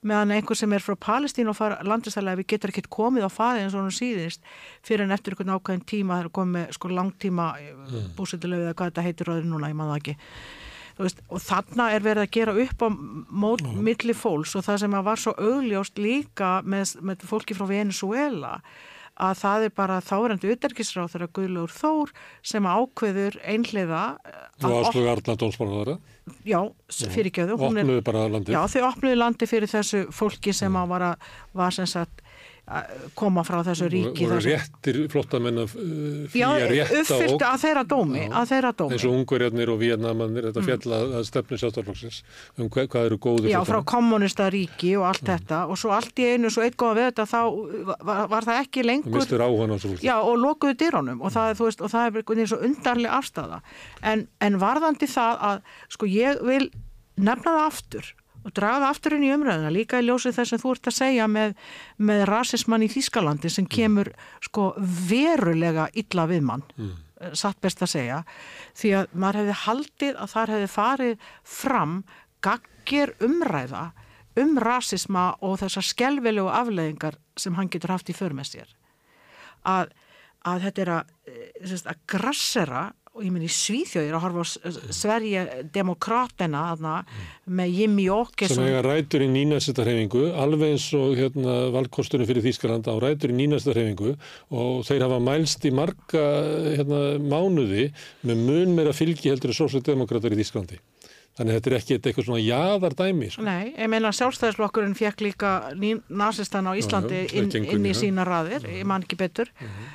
þannig að, að En þarna... Og þeir sko, sem komu Erlendis frá, sem að íslensk stjórnvöld björguðu, að þeir gengu flestir inn í Íslandalógin. Sem að, að var bjarga frá Nóri og eitthvað lera. Þetta voru hérna... Já, nazistatnir þar. Já, já, já. Við virkir menn í Íslandalóginum eftir, sem er bara frektir. Tóku þátt í að skipilegja kvíliðasveitirnar 49 Ný, og eitthvað lera. Þetta er bara þekkt saga. Já, já. En Íslendingar hafnuðu líka eh, Herman Jónasson, þá er til fórsæstur hafnaði því að taka móti gýðingu sem voru flottamenn hérna mm. og saga okkar þar er bara hún er bara ömurleg mm. og það á bara endilega öllum, sko við hefum að halda þessu til haga, því að Íslandsagan sem hefur verið á lofti er svo þjóðarnis pumpuð að það halva væri hellingu sko, það er svo mm. mikið oflæti og kannski líka á sama tíma þá verður við líka skiljað að hafa umbyrðalendi og skilning fyrir því að við, að Íslandingar eru umhverfið ung þjóð, við erum að koma úr skelvilegum aðstæðum, skelvilega harðbíl, landið er harðbíl og lífið var óbúslega erfitt. Mm og, og það þetta pumpa og, og, og hérna kjarki fólk og hér var unnið, vinnan var sko digð, allara digða og fólk djöblaðist áfram til að byggja þetta samfélag. Það komið að vinnuhjúum sem að, lifðu eila þræla lífi Já. og við, við þurfum að gera upp við þann tímabil í sögunni alveg eins og bara aðra þjóður gera við, upp við sína Þræl, þræla, já, við höfum til dæmis í stundu veldi fyrir mér til samaburða við eins og bandaríkinn sem er alltaf mm. mjög ólíku saman að jafna ja. en þú kemst ekkit undan sko svona 99% tilvika þá getur þau ekki faliða að þú sért af, sagt, þú sért svartur eða mm. af, af, af amerísk, afrískum uppröðinu eða hvað sem við kjósum að kalla það meðan að þú veist hvítir geta fallið inn í og allt það mm ég meina gýðingar voru ekki kvítir fyrir en eftir stríð skiluru, mm. þá, þá fóruð þeir í þannflokkin í Ameríku en hér á landi að ef að við værum, ég stundum sko veldi fyrir mér svo fólk myndi átta sig betur á þessu sem þú ert að segja mm. með vinnuhjúin mm. að ef við værum öll fætt með sko hérna valbrá á enninni þau okkar sem að mm. væru afkomendur vinnuhjúa mm. þú veist og það væri ekkit við því að gera, væri bara mert Við erum 90% þauðni Já, sennilega En það, það kom reyndar hérna Guðmundur hérna, Haldarsson? Nei, hérna, Jónsson? Nei, nei, Jónsson, já. já. Hann kom hérna að vera að tala um, hann var með stjættagreiningu á 17. og þá voru vinnuhjóðunum, ég man ekki hvað það var hjá hann, svona 43% minni mig eitthvað sless og svo voru 15% sem var bara flökkufólk. Þannig að þú tekur sko, svo sveita ómaðanir og þú tekur þetta og þetta er svona 70% af fólki mm. sem var eiginlega bara algjörlega réttlust fólk. Já. Og þannig voru við öldum saman. Mm -hmm og það er nú margir sem að vilja halda þið fram að þetta sé svolítið yngróð í okkur og sé kannski skýringin á þrælsóttanum okkar og hvað þjóðin lætur hérna yfir stjettina, yfir sig ganga mm. og, og miða við eru bara 400.000 hvað er raunverulega já, til þess bara ráða fólk hefur sér mikið upp sko. Guðmundur Haldan og svo það eru bara kortir frá því að vera með sér agrinnar eða skoðar til dæmis sko, krigur áður að bústaðinn og Já, það er eitthvað sem við þróast á undanfjöldum ár. Ég ætla að benda á Guðmundur Haldansson. Já. Hann hérna hefur uh, haldið því fram og eða skrifaði það að, að frelsisbarata, sjálfstæðisbaratan á Íslandi Mm. þegar að sko bændurnir og smábændur, við, við höfum bara með eitt orð á íslensku, Mm. bænd, bóndi, bóndi, bóndi, það skiptir ekki máli hvort þú ert hérna sjálfsegna bóndi eða, eða leiguliði. Í öðrum tungumálum er það, er það önnur nöfn og við erum það sem að kallast á ensku upp til hópa peasants. Þetta voru leiguliðar sem flökkuð á milli bæja lengst af Eh, en voru samt bændur og gáttu haft hjú og allt það. Og hann sagði, og það var mjög aðteglisvert að hann talaði um það að frelsi í augum þessa fólks var ekki frelsi undar kúun hérna Danakonungs. Nei, það var frelsi undan ánöðinni frá sko stórbændum og, og því að og, og sérstaklega eins og meðal hjúana að öðlast persónulegt frelsi. Já, að vera ekki lokaður inn í baðstofunni þar sem aturreikatiðin hérna var í bakvið rúmi, þiljið og, og hérna vakti yfir þegar þú áttur ekki, ekki enga líf. En e, ef við snúum þessu aðeins við, þetta við séum hérna með vinnjúin, en þá er líka í íslensku kultúr þessi hérna viðurkenning og vilji til þess að, að nýðast af fólki að því að nú eru hérna innflytjundur að koma inn í hlutverk og vinnuhjóana og að mörgum tilfellum búa þau hérna næstu því þau búa eh, ekki í baðstofinni að því að hann, hann býr ekki þarna bóndin hann við endan á þilinu. En þetta er oft í sko húsnaði sem aturreikandin á og þú ert bara í einhverjum kójum og það liggur við að þessi repsómaga upp í beddan hjá þér. Þannig að, að, að, að hvernig er hvað, hvað það er Þetta útbreytt þó það sé ekki algilt þó það sé ekki algilt að, að, að hérna, þá uh, hvernig er tekið á þessu fólki og verið að lónverkaði, það er líka inn í okkar kultúr og kannski er ástæð fyrir að við höfum aldrei gert upp við þetta. Hver veit? En það var allmis talað um það að hérna sko það skipt svo miklu máli. Hvernig, hvernig var orðtakið eh, að lenda í góðri vist? Það var, það var sem sagt það bara var höfi, það var líkil atriði allra hjúana að lenda í góðri vist. Því þetta bara var lífsbursmál því stundu lendi það náttúrulega í skelvilegri vist og flúði. En það er virkilega aðtiklisvert að rýna onni í kjölinn á því og þarna finnst mér, ég verð að segja það þarna finnst mér sko samfélags orðræðan sem að ríkis fjölmiðil eins og ríkis útvarpið á í sjálfu sér að sjá um. Það á að taka á svona málum bligðunar löst. Það á að horfa á þetta. Hver eru kjör? Hvernig að skoða þetta? Fá sko eh, umræðu. Fá um þetta er veruleiki hversu margra á Íslandi. Hva, hvað veldur því að þetta er gert? Þú veist, hvað, hvað, hvað liggur þar að baki? Akkur komast atvinnureikendur upp með það að bjóða fólki upp á, á, á húsakost sem við myndum ekki vilja vera í? Jú, að hluta til er það vegna þess að því fólki sem kemur hérna, sérstaklega, við skulum segja bara úr löndum eins og Rúmeníu eða eh, fyrrum austanþjárslöndunum, ekki kannski alveg Pólandi, en þessum sem eru eh, það sem að hefur verið mikil spilling og, og, og, og, inn, og þetta sem sagt minni lífsgæði að það sættir sig við miklu lakari aðbúnað heldur en til dæmis ég og þú myndum gera skilur og í krafti þess gera þessi ratunreikundur það. Og þeim finnst það bara askoti þú veist, bara þeir og byggða á, á íslensku kultúr sem er líka, ég geti neitt annað dæmi um að, að þjóðu virðist þóla það að fólk sem að kennst í svona sæmileg efni og getur keift sér eitthvað auka íbúð að það megi vera okra á sko leyendum vill og galið. Þó það er ekki nefna kannski helmingurinn af tæplega af leigu íbúðunum sem eru í eigu stóru leigufélagana hitt er meir og minna í eigu svona fólk sem á kannski eina, tværa, þrjára eða fjórar auka íbúður og það nær alveg yfir sko efralag millistjættarinnar þar sem að fólk er að hérna, bara græða í krafti þess að þetta nú bara markasverð og allir hinir er að gera þetta að fólki sem að stendur illa og hérna raunverulega þrýstað en neðar ofan í, í, í lífsbarutuna. og þetta er bara samþygt þetta er siðgæðið, er bara það er bara Þetta eru náttúrulega bara við svona var þetta. Það eru bara, ég meina, afi þinn og amma byggu í, í veruleikunum sem við vorum að lýsa á þann. Ég meina, Já, afi minn og amma í, í móðura sem ég þekkti nú betur held ég þekkti hinn ekki neitt. amma mín var komin held ég um fertu þegar hún fyrir kostningar eftir sko. Já, ég átti mikið amma mín var fætt 1896, það er uh, fljótt reikna.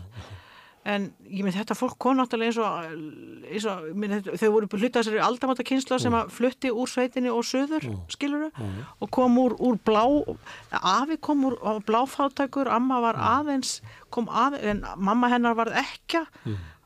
langafi minn dó þegar amma mín var tí ára og uh, þá frá, sko, þau áttu 14 börn saman, amma, langama mín og langafi og amma var yngst. Og þá fór langama með hana úr Stengrisfyrði, Suður í Dali þar sem hún varð niðursetningur.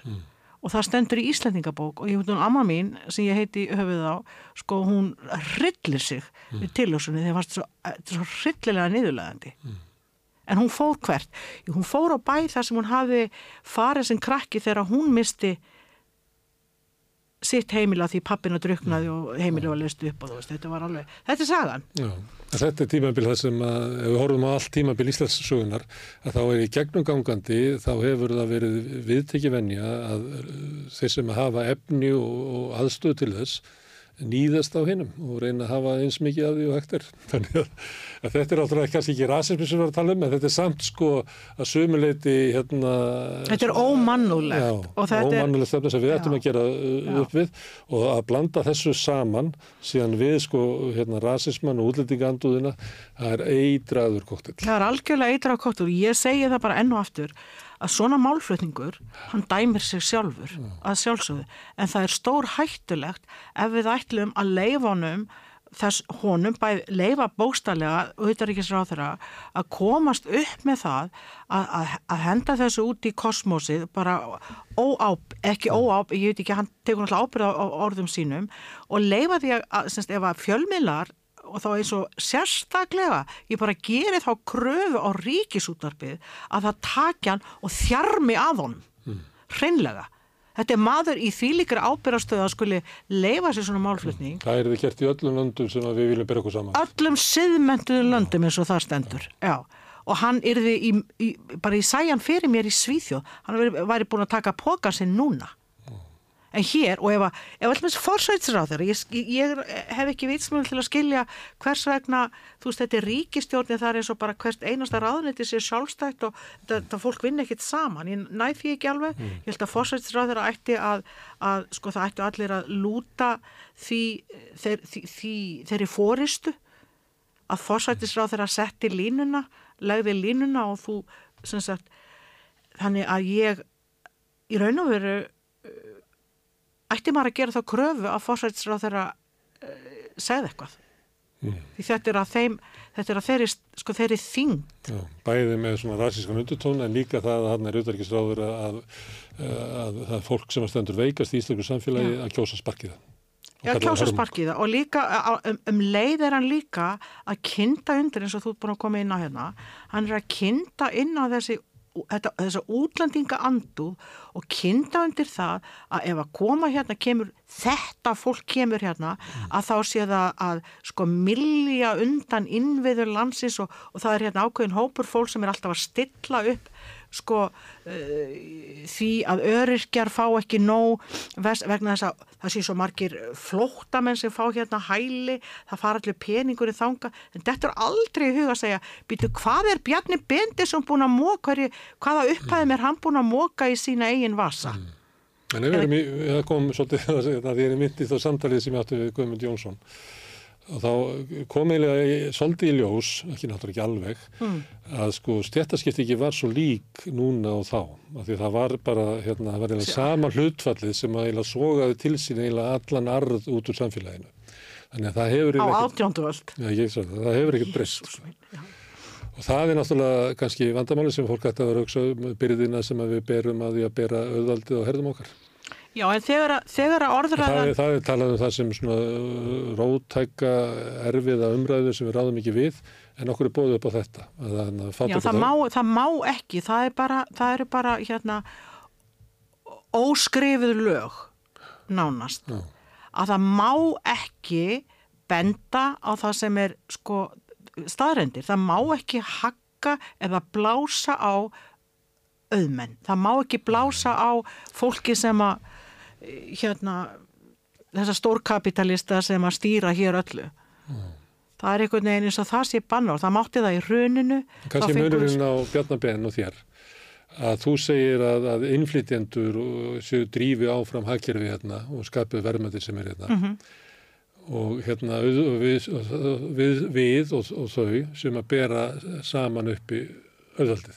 Bjarni vil halda því fram að það sé auðfólki sem að keirir áfram hérna samfélagið en það séu hérna fólk á austuvelli og fátat fólk sem er að geta undan okkur uh, hérna möguleikan á því að byggja upp hér enn betra samfélag. Þau eru bara alveg á sikurum endanum, þú og Bjarni. A- afvætur samfélagsins, er það, er það Já. ekki eitthvað, eitthvað svolítið, já. Hann er náttúrulega, sko þetta er svona álíka hérna haldbær raukstunningur og þegar að maður heyrði vestur í Ameríku, það sem ég var, þar var voru þessi hægru öll mjög gjarnan að tala um sko heitir að að vera á sósíal eða ofnbæri framfæslu í Ameríku heitir welfare. Welfare Queens. Já, og tala um welfare queens sem eitt. En sko stærsta eh, hérna félagslega framfæslan, þeir sem eru stærst og fá mestar bætur eru Corporate America eða stórfyrirtækin amerísku og það er alveg hér. Það eru þeir fá alltaf, ég meina fengu þeir ekki COVID-inu bara heilan helling af, af peningum til að halda sig gangandi og gott að vera, þetta.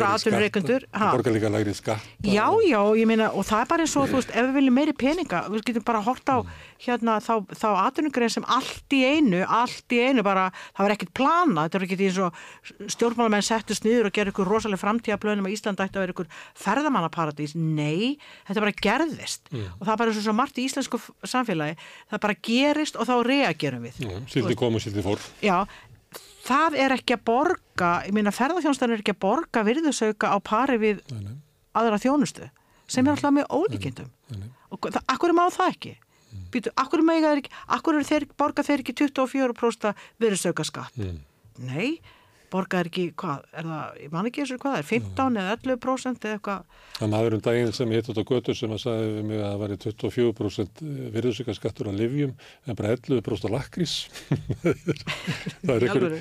það er bara selgætisframleitur sem hafa alltaf haft hérna góð tök. En Já, ég- þetta er hérna... en ég meina þannig er, þannig er Já, auður. að þú talar um Welfare Queens að það er hérna annars verið náttúrulega skattaafslátturinn sem henni ríku fá með því að borga lægri skatt af fjármastekjum heldur en launatekjum. Mhm. Fyrirtækin eru hérna búið að stórlækka sko tekjuskatti þeirra. Auð, auð, auðmaður sem á fyrirtæki í Reykjavík, eh, fyrirtæki borgar ekki skatt til hérna sveitafélagsins, það er búið að leggja niður að, aðstöðgjaldið og hann borgar ekki skatt til sveitafélagsins af því að fjármastekjum ber ekki hérna útsvar og, og hann lifir á rentum bara, hann þarf ekki að borga hann hann borgar ekki til. Og síðan, en, og síðan er það meira að þannig að velfrið kvíns að þeirra að vera útlut á sjóðum eins og var útlut á orkusjóði hver var fremstur í rauðinni þar? Þorsten Már. Það verið útlutaði til fjölmila hver er fremstur í rauðinni þar?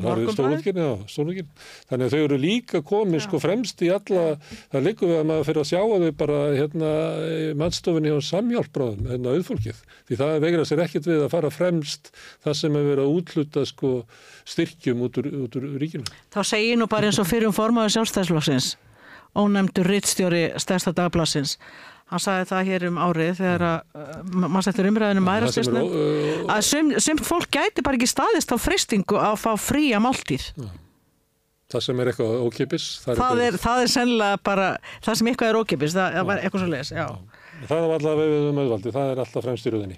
Herðu, þetta var nú ágætt að taka hérna stjættaskiptingunni inn í þetta því að hún skiptir líka máli og því að ég held að, að ef að hérna Bjarni er uh, rasisti og þetta er rasist sem hann er að segja þá er þetta þannig eh, rasismi sem ekki beinist að, að hérna, sérfræðingunum sem er að vinna í íslensku erðagreiningu Þetta beinist kakvað þeim sem eru fátakir og bjargalöysir. Þetta eru kallað hérna aporofóbia sem er eh, fordómar sem að, að beinast að bjargalöysu fólki. Að þegar að sko rasismin og, og aporofóbian fyrir saman að þá getur verið að menn fara að skrifa svona sem er ákveðin svona fyrirlitning kakvart hérna, bjargalöysu fólki. Því að það Já, er að þetta er víst. bara svo Mm. þetta er svo óbúslega hættulegt hann er komin inn á svo hættulegar og hálar brautur hérna og það er það sem er ógnveikjandi ef að, ef að leiðtói stærsta stjórnmálaflokks landsins leifir sér að tala svona ofinberlega hversu marga, hversu margir sko, Hann er náttúrulega að gefa er að segja það. svona sem talaði í öllum kaffetinum, í pottinum. já, Þannig að þeir sem að hérna, veigruðu sig við að gera þetta áður, að þeir farið að gera þetta núna, þetta getur alltaf orðið svona smitt. Já og það getur vel verið eins og verið hefur, sko sumir hafa verið að benda á, ég hef nú ekki pælt mikið í því, satt að segja, að hann sé komin í einhvern kostningaham, að þarna sé hann allan að róa á sko mið populistana og, og, og, og, og rasistana og fá þannig atkvæði af því að, Simundur Davíð sagði þetta, ég held að hann hefði verið bara hættur um að hann myndi fara að sögma mið og Simundur Davíð er að róa á sko. já það eru, það, það eru nákvæmlega, það eru nákvæmlega þau mið sem að, eh, já, einmitt, miðflokkurinn er á, en ég veit það ekki, ég veginn, eh, held að, ég veit ekki, ekki hugmyndu það, ég hef ekki þannig insýn inn í pólitískar refskákir að, að ég geti sagt Hann sér náttúrulega skoðanakannanir í Svíþjóð sem að sína að hérna, valkostu fyrir Þískland er með 23% fylgi í skoðanakunum. Hann sá alveg kostningaúslitin. Í Þýskalandi, já, já. í Þískalandi. Hann sá alveg kostningaúslitin í Svíþjóð. Hann sá kostningaúslitin í Hollandi. En er ekki aftur þarna, sko, ég, ég las um daginn, það kom út eitthvað sem heitir grænbók, Mm. Eh, sem eitthvað nýtt orð sem að ég, ég- svona skil og skil ekki, en þetta var sett inn á hérna, stjórn, inn á gáttina þarna. Samlóðskattina. Já, og grænbók um innflytjamál, það verður svona að leggja línunar fyrir framtíðina og gott og vel og, og margt með ágætum í, í þessari bók. Ég sendi inn aðtöðasemdir vegna þess að það var ekki stafur, það var sko, ok, það var að gera þetta og gera hitt og, og ég sem segi, allt gott að blessa við það, en það var engin áhersla lögð á það að fræða heimamenn að við erum móttakendur, að það skiptir máli að fólk, einmitt, að það skilji hvað er um að vera, að við getum talað saman, ef við erum óttaslegin þegar að koma hérna, hvað er það sem við óttumst, hvað erum við hrætt við, hvað er það sem að, erum við hrætt um að missa eitthvað, eða, eða hvað er það, þú veist. Ég, þú veist, við, við verðum að taka, eins og það heitir, taka þetta samtal, þú veist, við verðum að ræða það og skoða það til þess að geta áttað okkur á því hvar liggur óttin, er hann ástæðulegs eða grundatast hann á reynslu okkar? Af því að sko, það er bara oftar en ekki sem hann er bara eitthvað sem sko ég stóð sjálfa með á því, ég segi bara alveg bliðunarlaust frá því þegar ég bjó í New York borg sem ég gerði í fjöldamörg ár. Það sem að ægir öllu saman og svona bara mikroútgáfa af mannkininu stundur ég satt í lestinu og kom eitthvað fólk inn og ég alveg oh, hvaða fólk er nú þetta? Vist, og bara strax kom einhverja hugmyndir. Og þá kom hérna er þið Hallfríður hvaða fjörstu þessa hugmynd? Já, ég veit ekki bara, bara, bara, finnst þetta bara? Einmitt. Og þá sagði reyndin herrið þú einmitt, þú bara, í svo rolla í rétt, þú veist, þú bara apar eftir hinum. Þú þekkjur til aðstæðna, veistu um hva, hvaðan þessi mannski kemur, ákverju byggir skoðun þín, að spyrja sjálfa sig að þessu, ákverju byggir skoðun mín?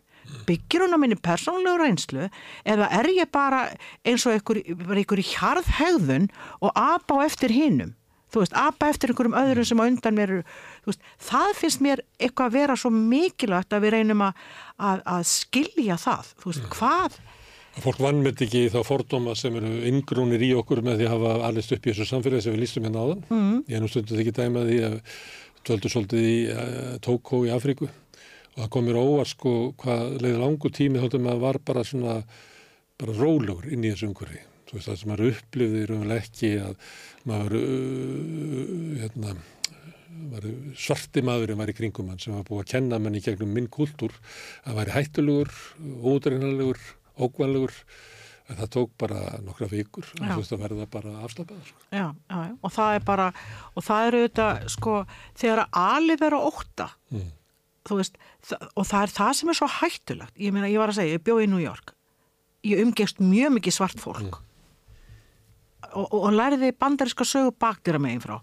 Þú veist, ég þekkti fólk sem kom úr Suðuríkjónum og var þeirri ofsóknum þar og, þú veist, þekkti sögur þeirra heyrði sögur og ég var í svona starfi þar sem ég var að hjálpa fólki og fór inn í skelvilegustu fátækra hverfi Nújórborgar sem eru sko þeir leitu út, þessi hverfi eins og ég, það var í Suður Bronx á þessum tíma leitu út eins og Beirut eftir borgarstriði 75 eða eitthvað, svo bara rús, húsarústir og hverji byggu þar? Jú það var sárafátakt svart fólk sem var meira minna eh, ofurselt eiturlifjum þú veist, það var bara í, það var bara í skelvilegu ástandi. Og auðvitað, ég meni, ég fór þarna einhvern tíman, þurfti að fara þarna og hitta fólk og það var, það fór um mig að sjálfsögðu, það kom ekkert fyrir mig, þú veist, en þarna var fólk að berjast við að reyna að koma lífi sín á réttan kjöl í þessum aðstæðum. Og Eða búið að gefast upp fyrir því. Eða búið að gefast upp fyrir því og, og, og það var einhvern veginn veist, að verða vittni á þessum veruleika þessum grimma veruleika sem að þetta fólk bjó við Það er bara brostið samfélag, það er ekki heilbrið sjónusta fyrir alla, það er ekki, Nei, nei, nei. bara bandaríkin eru bara bro- brotið samfélag sko. já og það bara Svo sem að dettur út, út fátakur og átt við einhvern helsuvanda stríði, ég tala ekki um fíknisjúkdóma, þá ertu eiginlega bara döðdömdur sko. Já, já, þeir náttúrulega herja sko, ég meina það eru svona kenningar meðal svartra að, að sko þegar að sko The Black Panthers komu fram hann á sjónasvið þessi mótmæla reyfing og, og, og, og svona mjög róttæk reyfing að þá bara fóru yfirvöld og spreðuðu dópi um í allum svartu hverfunum til að þú veist, deyfa fólk. Og þegar þú býrðið svona aðstæður þá er í sjálfsveit ekki að réttlæta það. En þegar það er búið að hafna þér frá fæðingu á samfélaginu þá er ekkert skrítið að þið langi bara reynlega að, að deyfa þig þú veist, það er það sem að hefur gerst það rosalega mikið því miður Herðu, það fyrir takk fyrir að koma hingað og Já. ræða um uh, ræsisma í Íslandsku samfélagi. Við ætlum að halda svolítið áfram á þessum nótum. Hann kemur hérna hann Helgi Gunnlaugsson, afbrótafræðingur og ég ætla að tala um frétti morgublasins um fjölda erlendra manna í íslensku fangilsum. Hvernig getur við réttlætt að helmingur eblingakvenna býr við slæma andlega heilsu? Ebling stjættarfélag. Baróta fyrir betra lífi. Félagar og forvitnir eru velkomnir í Sósialista kaffið alla lögadaga í bólólti 6 kl. 11.30. Tökum pásu frá kapitalíska hversteginum og njótum góðra stunda með félagum okkar. Samstöðin er í eigu hlustenda, áhorfenda og lesenda.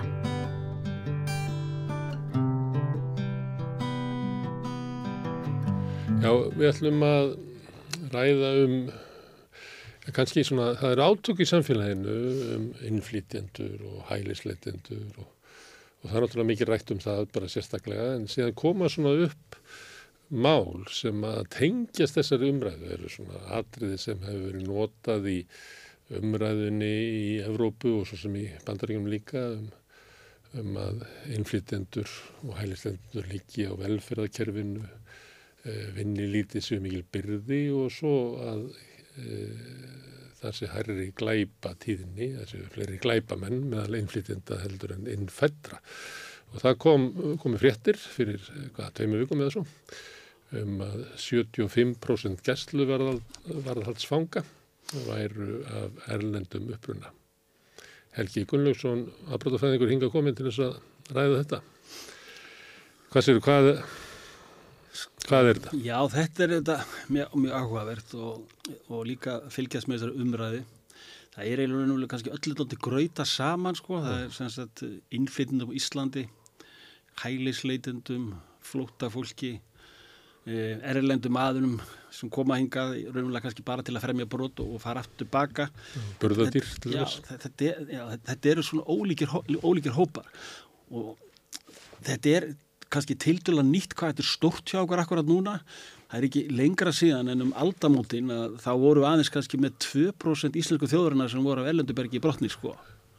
Og ef við skoðum það í fangjæli sem á þeim tíma þá var það bara, byrju, það var þessi og þessi og, þessi. Og það var upptalið sko ekkert í gæsluvaraldi síðan ef ég fylgst með þessu þú veist bara síðan, þetta eru hvað aldar fjórðungur 20-25 ár og síðan með vaksandi fjölda innflindu í Íslandi að, að þá sáum við þess merki einhver í fangjálsunum líka sko og til þess 2011 þá vorum við með kannski um það byrja 80-90 sem, sem, sem voru í sagt, afplánuðu dóm íslensku fangjálsum yfir allt árið 80-90 manns? Já, já, já, já þýðir það svona í- 80-90 manns sem sem sagt, hlutfalli? já, 80-90 manns sem voru bara örfáir í byrjun aldarinnar sko Já, já. og, og, og, og svo í dag þá er nýjustu tölvöldna sem voru hann í morgunblæðinu um, um, um helgina að þetta er orðin svona uppundur helmingur uh, fanga á Íslandi sem eru ellendubergi brotnir en þetta 2011 þá voru þeir svona um fjórðungu sko. Já.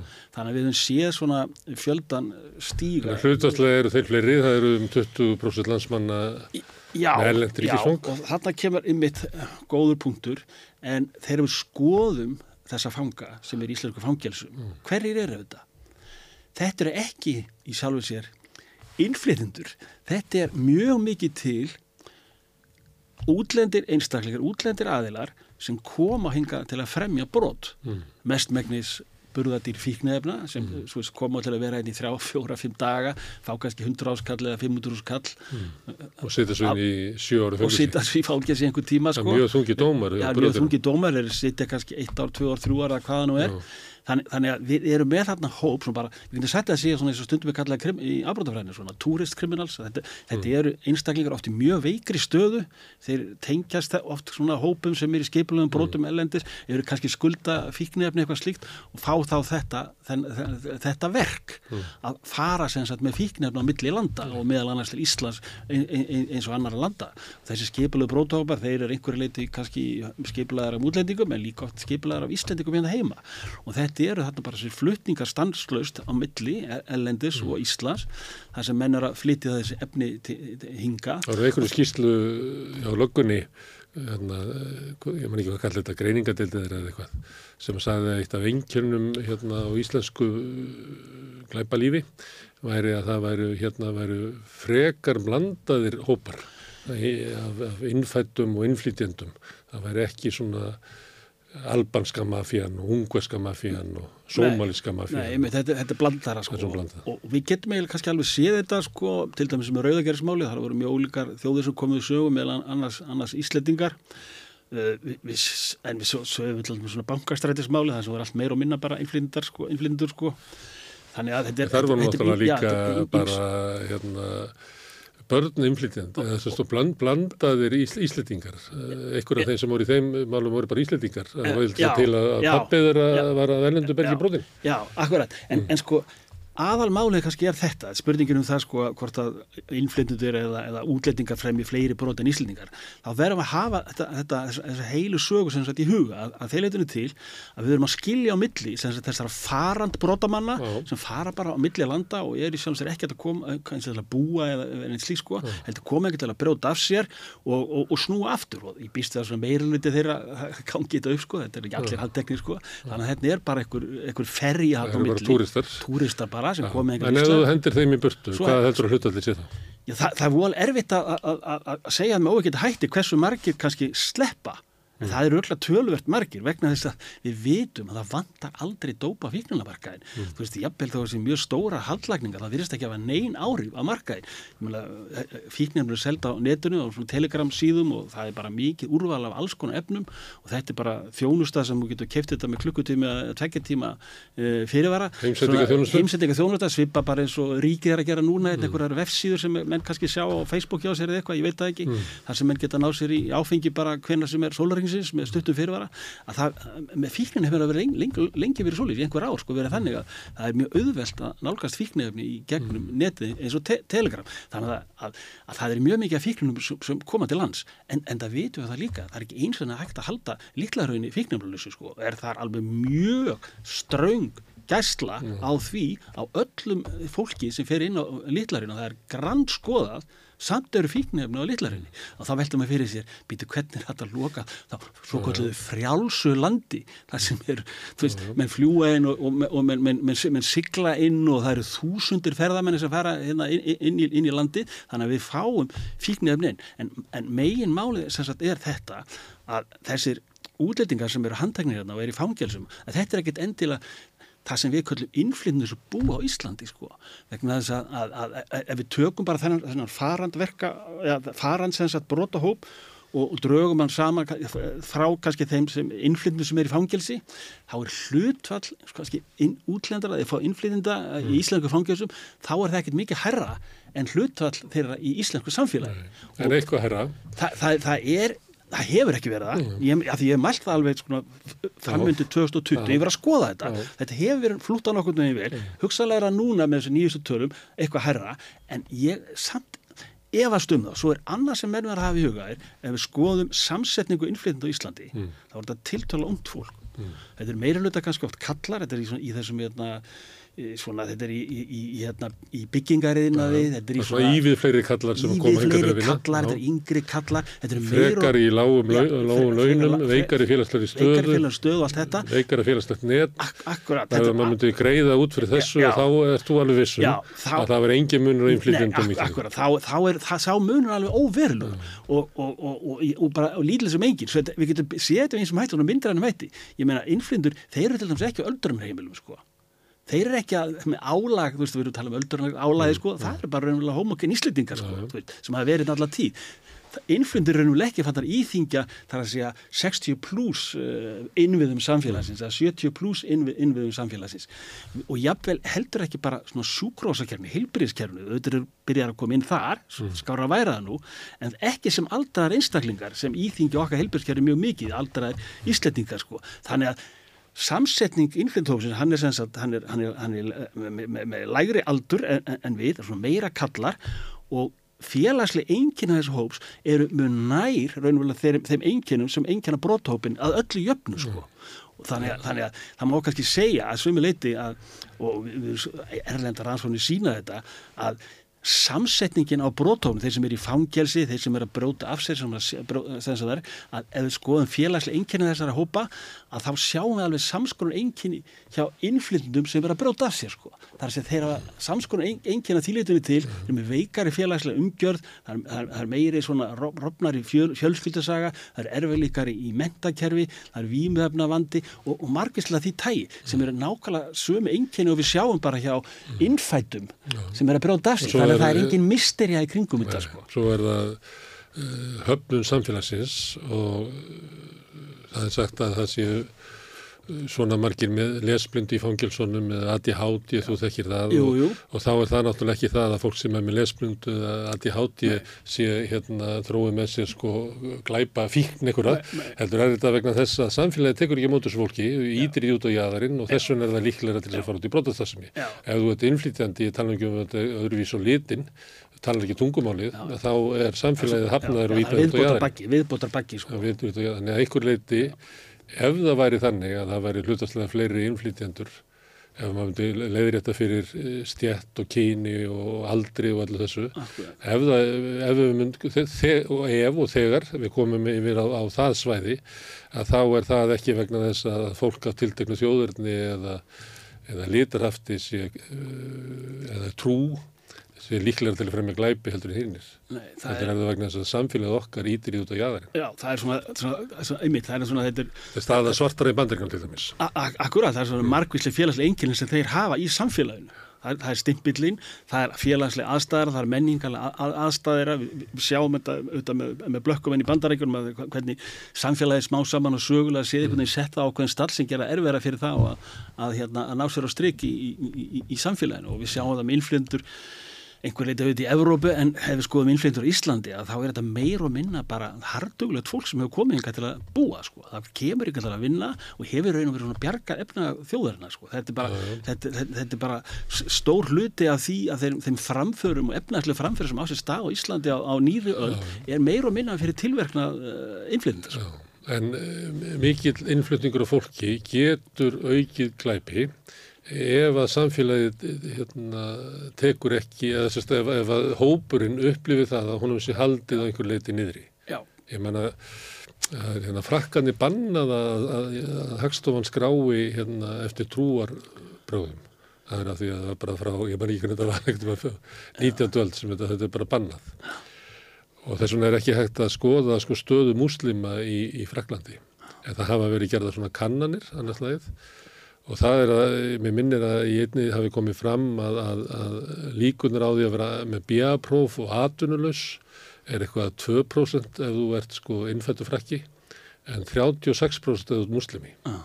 Sem að sýnir bara að, að það er alveg sama hvað það gerir, það er sama hvað það mentar þig og svona. Það er þröskuldur til þess að fá að koma inn í samfélagið. Það er svona jaðarsetningin er þarna sko. Þetta er svona einhver ósýnilu vekkur sem þeir fyrir að fara í gegnum og komast ekki sko. Það er svona stimpillin. Hann er svo stóra, hann er næstu í sýnilegu. Já, Sko. þetta er líka svona, svona orðræðin svona fjölmjölum fjöldlerin til dæmis sem hriðjiverka uh, sem á- eiga þessi stað í öðru löndum eða svona það er múslimar eitthvað slík sem er bakveð þá er þetta eitthvað öfga múslimar en, en múslim hefur, við erum að tala um þetta miljardar sem, er, eru þú veist, ég, ég þekki pe- persónulega einstaklega sem eru múslimar og þeir eru bara eins og ég og þú í sjálfu sér sko. Þetta, þetta er bara sjálf sem kemur þeim bara ekkert við þó einhverju múslimar séu hérna, með eitthvað hriðjuver sko. en, en í raun og veru það er þetta þá ásýnt hjá okkur einhvern veginn að einhvern veginn að tengja bara eins og múslima við hriðjuverk sem eru alveg, alveg, alveg fráleitt þetta er alveg eins og bara eins og, og einhver- einhverjir kristnir öfgamenn þeir ge, gera eitthvað óskunda einhver staðar, ég menn það kemur okkur ekkert meira við en hverjum sem er sko. Veist þannig að En nú, nú veist þú þetta Já. og ef það væri svo að innflytjendur væri hlutastlega fleiri í íslensku fangisum þá væri það líklega merki þessum að þeir væru jaðarsettir í íslensku samfélagi. Þetta væri samfélagslegt vandamál, Já. ekki vandamál hérna, einstaklingana eða hópana. Nei. Samt erum við að lesa fréttir og túlkanir á þeim sem eru akkurat ánvend. Þannig eins og að, að hangi í umræðinni eitthvað sem að sko félagsfræðin og afbrótafræðin er fyrir löngu búin að afsanna, samt er verið að halda þessu að okkur. Já, algjör, algjörlega, þetta er svona, þetta er samið tökum þessum umræðin með svíðu, þetta verður mikið ræð, sko, þetta eru meira innflyttur sem eru í að bróta af sér en venjulegir svíjar, sko. En ef við skoðum félagslega einkennum af þessum einstakling sem er brótað fyrir svíðu, jú, þeir eru kannski ellendubergi brotnir, en þeir hafa þessi veiku félagslegu einkenni á sama hátt eins og brotamenn kannski 1950, 1960, 1970 höfðu sem voru svíjar. Það er að segja samskonar veik félagslega á milli, Þannig að segja á- innflyttar eftir- hafa einhvern veginn taka upp raunverulega þann kvóta Já. sem aðbrótamenn eru sem, sem, sem þeir hafa í, í samfélaginu. Það er að segja, þeir eru með samskona félagslega einkenni eins og þessir brotahópar höfðu 1960, 1970, 1980 að hafa raunverulega veika félagslega umkjör utan á sig sem er raunverulega það, það, það er hérna ástæður eða þau skiliri sem brotamennin koma úr sko og fara úti og rekjast úti, út, úti, úti afbrot vegna þess að þeir oft sjá ekkert aðrar kannski raun að vera leiðir út úr þessu. og var með finnana sem að komu á eftirstísarunum til e, Svíþjóður að vinna og voru held ég hafi slegið upp í að vera næstu því sko hátt í 5% af þjóðinni. Að þeir voru með þessa stöðu í samfélaginu að vera svona fyrirlitnir hafði í lálunarstörfum að, hérna, komist eiginlega ekki inn í samfélagið og áttu sér sína svona glæpahópa. Já, já. því það voru ef þú ert ungu maður og þú veist samfélagið segir alltaf við þig bara nei takk, nei takk. Að þá hérna finna bara ekki bara þá farveg, fin- sko. Já, og þá finnst þér þú ekki skulda þessu samfélagi Ekki neitt. Ég meina, þú byrði í samfélagi, þá viltu veginn búa þannig í samfélagi að þú getur veginn treyst á stopnarnar innviðina er að segja, ef þú leggur hart að þér að þá kannski myndu, myndu blómstra eða, eða fá uppskera eins eins og þú leggur á þér, en, en ef þú færð alltaf neikvæða, neikvæða einhvern veginn og finnur aldrei fyrir tröstið einu en einu, þá smá saman ferð bara að gefa skiti í þetta, sko. Af hverju á ég að vera að leggja eitthvað að mér og mitt besta þegar ég fæ aldrei neitt frá þessu samfélagi. Það er að segja að þú finnur eitthvað, þú eiginlega órétti beittur sko, það er alveg sama hvað þú gerir sko, að, að þá einhvern veginn bara kemst ekkert áfram sko, að þá fer, þá fer að bara hugsa með sjálfum við mér, af hverju á ég að vera eitthvað að, að venda þetta samfélagi, hverju á ég að fara veist að gera þetta, mér er bara sama sko, vegna þess að þeim er sami mig. Það er ekki nóg með sig sami mig þeir fyrirlíta mig sko. Þannig Þetta sérðu í afstöðu brotamannan í Íslandi sem eru Íslendingar, sem eru sko bara blandaðir Íslendingar, Já, sem hafa halist upp hérna alla sína tíð, en eru bara öðru í svo litin, að Já, þú sér já. þetta attitút í þeim eru svolítið svona, þeir, sjá kannski ekki þessi raunhæft leið út úr þessu sko og það er kannski, það er margar hluta vegna kannski, þeir eru mikla skuldir sko, þeir eru kannski börn sko sem, sem, sem þeir hafa vannrækt sko og þeir, þeir, þeir hérna sjá ekki fram á kannski að fá, fá, fá íbúð eða, eða, eða, eða vinnu. Svo líka þeir fara út sko þá er þeir googlaðir sko og þá hafa auðvitað tengst einhverju brotamáli, jafnvel alvarlegu. Þeir sjá í sjálfs þeir enga raun hafa leið út úr þessum ógöngu sem þeir eru í sko.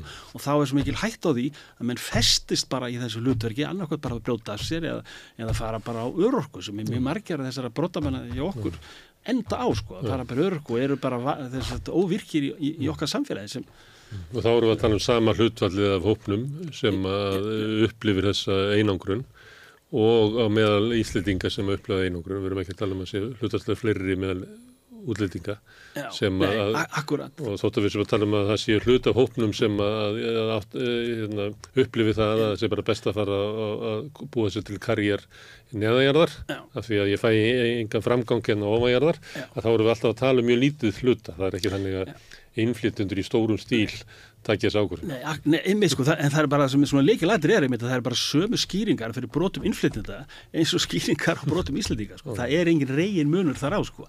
Það- það- hugsaðlega bara hverju er þetta svona líf, en, uh, lífsekt í umræðinni? Það, það er, menn alltaf, bara- menn alltaf hrætti við svona uh, útlöndi eða utanakomandi, þú veist, ég með það að fíknefni komið þetta mikið ótti við fíknefnin og það er, þú veist, við, við erum þetta eiga sko og við erum Íslendingar um hómakri þjóði þúsund ár með sammeila sögu, menningu og landfræði og, og uh, allt þetta sko og, og, og þá er einhvern veginn svona þessi útlendingun, alltaf smá svona tortrygni, ótti Já, eitt er eitthvað slíkt, tortrygn og eitt er ótti, Það er er, svona- líka til sko rasismi og það er bara Já, rasismi já, svo kemur það og það líka sko, það er svona ákveð rasismi sko, það maður segja eins og með innflindur í Íslandi hjá okkur sko, að eina gæsalappa, Íslandingar hafa verið hefnir á þýlitinu til að, að þessir innflindur eru meir og minna af okkar svona félags menningar og, og, og svona þjóðaritnislega líta út eins og, eins og, eins og Íslandingar, þeir eru mjög svipaðir Íslandingum og þetta er svona meira, meira og meira handurlögt fólk sem kemur einhvern til að vinna sko. Og þannig að við sjáum í sjálf og sér ekkert útlendingarna mikið bara meiri reyðin í Reykjavík sko, segja þetta, þeir blanda svo vel inn í samfélagi sko, þannig að þeir sjáum hóp kannski, þú veist, pólverja eða eitthvað hlust, þá getur það bara verið íslenskur hópur sko, en ef þú fer til Norðurlanda sko, þá sérðu fjölbreytnana bara berum augum bara í, í borgunum sko og þann, þannig að það er svona öðru sér samsett þó hlutall sko innflytða á Íslandi er bara sama eða jafnvel herra en það sem er Norðurlanda Samsetninga þess er allt en öðruvísi. samsetning er allt önnur sko. Við fengið þetta á mjög stöttu tíma og þetta hefur komið beint inn í vaksandi ekonomíu sko. það er beinleins vantað þetta vinnuafl við höfum mjög tekið það móti í fengið sendimi sko, hag- hagkerfið sko, og hafa gefið af sér alveg rosalega mikið til, til Ís, Íslands samfélag sko. þannig að í raun og verum að segja að Íslingar hafi verið hefni með, með, með innflyndur sko. en þessi innflyndur, þeir eru bara eins og annað fólk sko. er að ef þeir eru veikri félagsleiri stöðu bara eins og Íslingar eru veikri félagsstöðu þá er ákveðin áhætta sko, fyrir það að leiðast út í brot og við höfum þetta að sjá einhver, einhverju marki En það er svona, það er svona ímislegt svona fyrst manni áhugaður í þessu eins og með, þú veist, að nefna þetta sem er fangels og útlendingar í fangels og mjög margir fangar í erlendir fangar hjá, hjá okkur sko.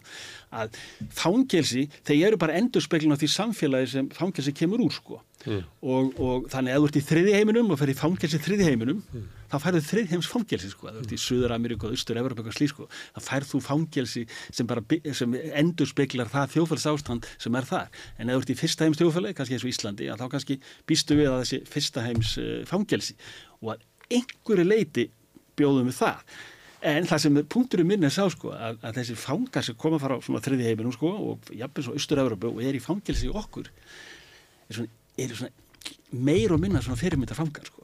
Þeir svona, sko þe- þetta er þetta erfitt fyrir kerfið sko að þýleitin til sérstaklega þið tala ekki ensku og tala ekki íslensku eitthvað slík sko, þá er þetta spurningum svona samskipt og fleira sem er erfiðara sko en margir þessar fangar þeir tala alveg ensku sko þannig að það er hægt að koma alveg á svona samskipt á millið þeirra og, og, svona, og svona yfir höfuð þá gengur þetta vel og ég heimsæki fangelsin reglulega alltaf svona, mm. minnst hvað steinu svona árið og hef, hef séð svona vöxtrin líka á þessum ellöndu föngum sko bara sé þetta sömar að heimsóttu fangelsi þetta bara í júlímáni og, og þá, voru, þá sá ég með þetta tölvöld mikið ellendu föngum sko, til þess að rauninu og fór ég hérna einhverja smiðju og þar voru einir 14 fangar að vinna og þeir unnu bara eins og í smiðju í Reykjavík sko, og allir bara að vinna mjög mikið. Og ég var reyna að spyrja þetta fangar og tala við þá sko en ég, er ekki, ekki alveg nú, nei, ég voru að býða það er kaffetími eftir eitthvað þrjú kortur, já, yngur bara.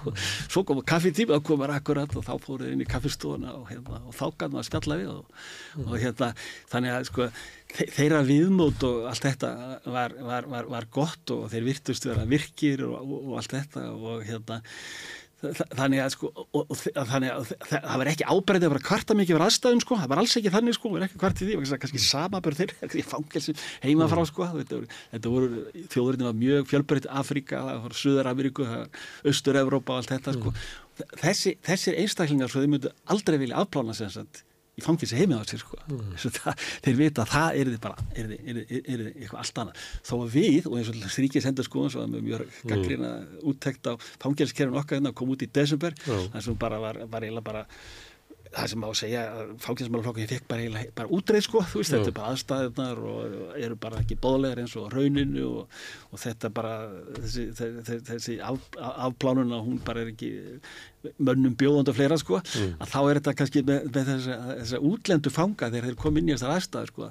Að þeir eru bara svona tiltöla sáttir og ég meina fangaður hafa sagt mér sumi hverjir að hérna, sumir þessar að fanga þarna sko, þeir eru kannski ekki endilega að segja það heim sko, þessi fangelsi, þessi bara sveita heimili og, og senda kannski 500 skall á mánu eða eitthvað slíkt sko, Mm. heim til sín sko, sem er kannski bara þokkalegur peningur þar Mm. og þá er það veist að þeir eru að vinna og, og, og geta sendt eitthvað slíkt heim sko, þannig Mm. að, þannig að veru líka einhvern veginn að hafa þennan flöti í, í, í, í huga þó að sé, þú veist, einhver engan mann einhvern veginn eftirsókn þetta verið í fangelsi það er ekki eftirsókn fyrir þessu útlendinga heldur sko, en sko af tvennu illu sko, að afplána heimið á sér Mm. austur Evrópu landi eða í Suður-Ameríku eða í Afríku þá myndur alltaf velja að Mm. Afplána hér sko svipað og að vera að þrýfa hótelherbyggi þá fóðu þeir, þó þeir fóðu skýta laun hérna í Íslandi þá var það skömminni skárra en er búið upp á í, í, kannski þeirri heimalandi sko. Rúmeníu eða Já, og þeir fá ekki eins og svona vinnu og fengi, fengi ekki borgað og slí sko, þannig að það- það- þarna kemur bara þjóðfélagsgerðar, ólíkar þjóðfélagsgerðar sko, við erum Ísland svona, við erum þetta en Íslendingar eru svolítið að nýta sér þetta sko. Já, já, þeir, við erum ekki,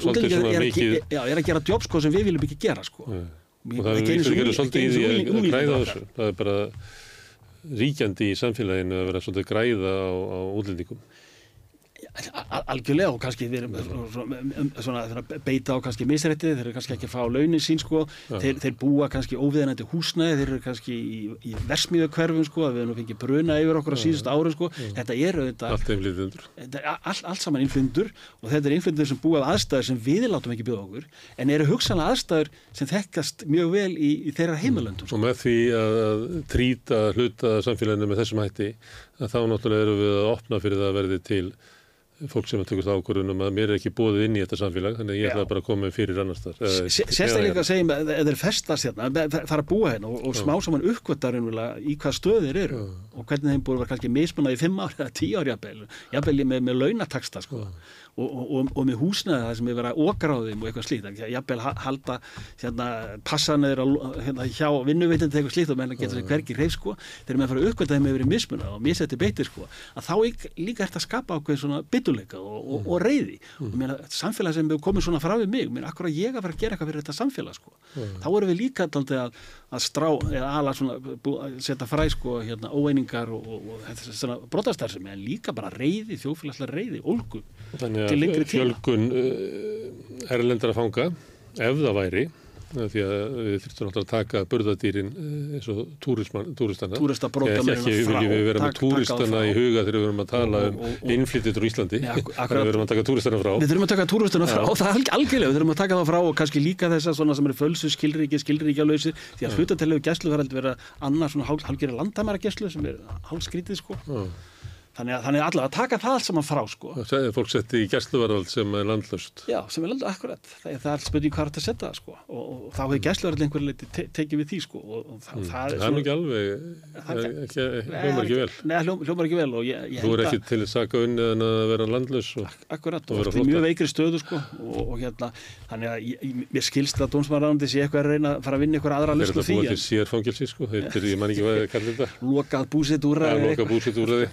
aðra er orðin fangelsið að gæslu var alls sko.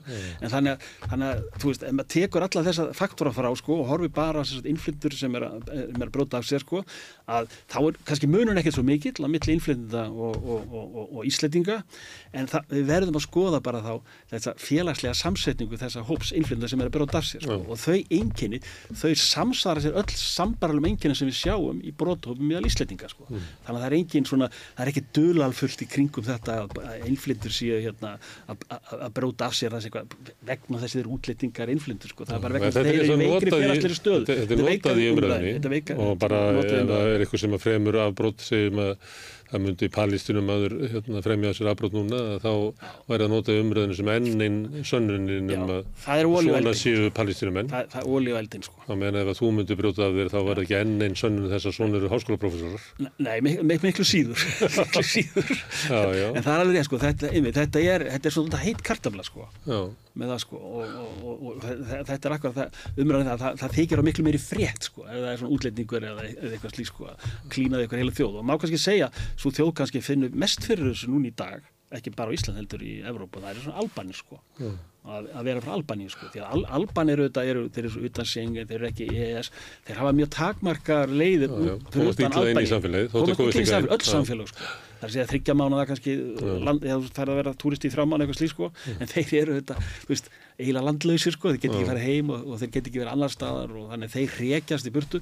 Og ég eru þess vegna mjög berskjaldara fyrir því að lenda í einhvers konar brota neti eins og stundu kallað albanska mafían sem er mjög víða með klædnar sko og meðal annars hérna á Íslandi sko. Þannig að, þannig að það er kannski þessi hópur sem er kannski veikastri stöðu sko. Það var hann listi sem að byrtist um, um sjóðurnið og það var bara allt eðlilegt bara í hlutvalli við hérna hvernig skiptingin er hjá inflytjundum, pólverjarnir flestir og, og það, það var bara albananir sem, að, sem skáru sig skáru svo leik sko, þess að það er ekki náttúrulega og það var ekkert að þessum, á þessum lista var eitthvað sem að fólk tengi við hælisleitundur samt er þetta notað í umræðin um hælisleitundur hvað eru fangur mikið, þetta er meira og minna fólk frá Schengen sem er að nynni Já, akkurat, þetta hægir öllu saman í umræðin sko.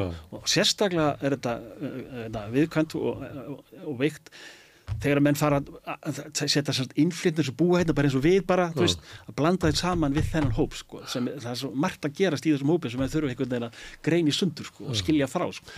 En uh, Íslandingar er gangið gegnum uh, mikla samfélagsbreytingar, það eru gríðarlega fjölgun hérna, innflytjenda og kannski eru við bara varalega lendi í þessari stöðu veist, hérna, ég talaði við mann sem að býr í Kína, sem eru gríðarlega fólksflutningar og hann vildi horfa á Reykjavík væri svona bara miðlungi stór Eurósborg eh, það væri eins og búið að tæma sveitinnar það var ekki líkur á því að, að, að vestfyringarnir allir konir í bæinn og veist, það er ekki, ekki fólkslutninga til Reykjavík en landsminni lengur.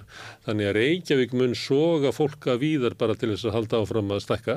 og Reykjavík og svo þessi rúndur að Jökulsvárlóni og, mm. og og, og, og þetta er bara staðan okkar. Þannig að við erum að gangi gegnum gríðanlega breytingar og einhver leiti þá höfum við hérna, hérna við erum smeg við að ræða svona alls konar hluti. Þetta er svo fljótt að fara í einhverja svona hérna eins og ég heyri bara í þér þegar við, ég er að ræða við þig að þá viltu samfærum um að samfélagi sé ekki að tapa af innflytjendum Nei, þetta móti. Þú þarfst ekki að samfæra með það, ég veit það. Nei, við erum að tala um eitthvað fleiri en bara við. Já, ég veit það, en við erum ennþá þar. Já, við erum ennþá þar, já. Við erum ennþá þar, sko. Sem við hefðum að fara yfir bara fyrir 15 árum, sko. En, en þú verður bara aðtöða það, sko, þetta ger svo hratt hjá okkur. Þú sér að það er bara 2008 eitthvað, þá voru við 300.000, 15 án síðan erum við 400.000, sko. Þetta ger svo hratt. Við vorum ekki með nema 5.000 útlendinga hjá okkur árið 2000, þú veist, það er bara stöð síðan, come on, þetta er bara örstuð síðan, fyrst okkur þetta, okkur finnst það örstuð síðan, núna er það 70-80 þúsund þetta eru, fjórar, fimm akureyri sko mm. þetta, þetta er gerst á rúlega 20 árum. Mm. og, en Íslands samfélag er samt ennþá svona kannski veist, Ísland 1,0 sko, það er hérna 2000 sko. En Ísland auðvitað er orðið 2,0 og 3,0 en innviðinir er ekki hafa ekki aukist úr 1,0 í 2,0 eða 3,0 sko. en maður skoðar alla innvið Íslands hvað sem að skólakerfi eða heilbriðskerfi eða gatakerfi og svo ferðarmenn sem kom inn það er kannski bara 20.000 manns okkur í degi já, sem eru aukning akkurat, þannig að við innviðakerfi er ennþá bara 1,0 sko, 1,3 við höfum aðeins gefa okkur að við höfum verið að gera eitthvað. Við auðvitað höfum verið að gera eitthvað. En alls ekki þeim sama mæli sem við erum að taka móti núna í dag og okkar íslenska samfélag er allt annað að vera árið 2000 en íslensk samfélag er að mörgleiti ennþá þóttum ekki fast í því að við værum bara eins og vorum 2000 eða 2010 með, með, með stærð alls kerfisins, við tökum til dæmi fangilskerf og við erum búin að tala mikið um það. Þú veist umfangi til þessar fangaplás og raunverulega bara allur umbúin og utanum þetta fangilskerri hafið ekkert vaksið í þessum mæli. Hann er eiginlega bara einn nei, nei, nei, ekki, það er bara ennþá sama kerfið. Og menn segja, já, en eru ekki homestayði homestayði, það var náttúrulega mikið breyting og stækkun og kostáðun og marga miljardar, jú, alveg rétt. En um leiðið við opnum um hólskveði þá lókum við þremur öðrum fangilsum þannig að fjölgunum var í samstaklega rosalega mikil. Þannig, bara sem eitt lítið dæmi að því við vorum að tala um Homestayðin hefur verið lausna vandamálun eins og var 2000 En það duga bara engan átt í 2020. Í, í, í dag sko, það er við nú tala um svona fangablás, ég, er ekki þendilega við þurfum að fara að fjölga fangablás upp í 400-500 eitthvað leys, við erum með fangablás, þú veist, tæmla 200 eða hvaðan við er sko, en, en það hefur sátt ekkert mikið vaksið á þessum 20 árum þó að Íslands samfélagi sé alltaf næta, en það er bara eitt dæmi. Svo við ætlum þess að tökum við með, með, með, með lauruglulegði eitthvað slík sko, við tökum bara fjölda lauruglumanna, það hefur bara verið fækkun sko, þú veist, bara sem eitt lítið dæmi, svona getur bara farið á hverja innviða stopplins íslenska samfélags á þessari öll sem er nú bara tiltalan í byrjuð 20-25 ár Ísland, íslenski innviðir eru ennþá mjög mikið bundin við það að vera þeir sem voru 2010 og ekki, en getið að taka ekki fyllilega nægilega vel á móti þessum nýju kröfum mm. sem þetta flókna fjölbreyta samfélag eh, býður upp á í dag Já. með alla þennan fjölda og, það, og við getum farið í þetta heilbriðskerfið, við getum farið í skólakerfið háskólana, leikskólana þú veist, gatnakerfið háskólan allt saman. að það, hérna, börni innflytjandana ná ekki til mín, sagði einhvern háskólaprofessor, að þau eru farin úr skólakerfinu áður en því kemur.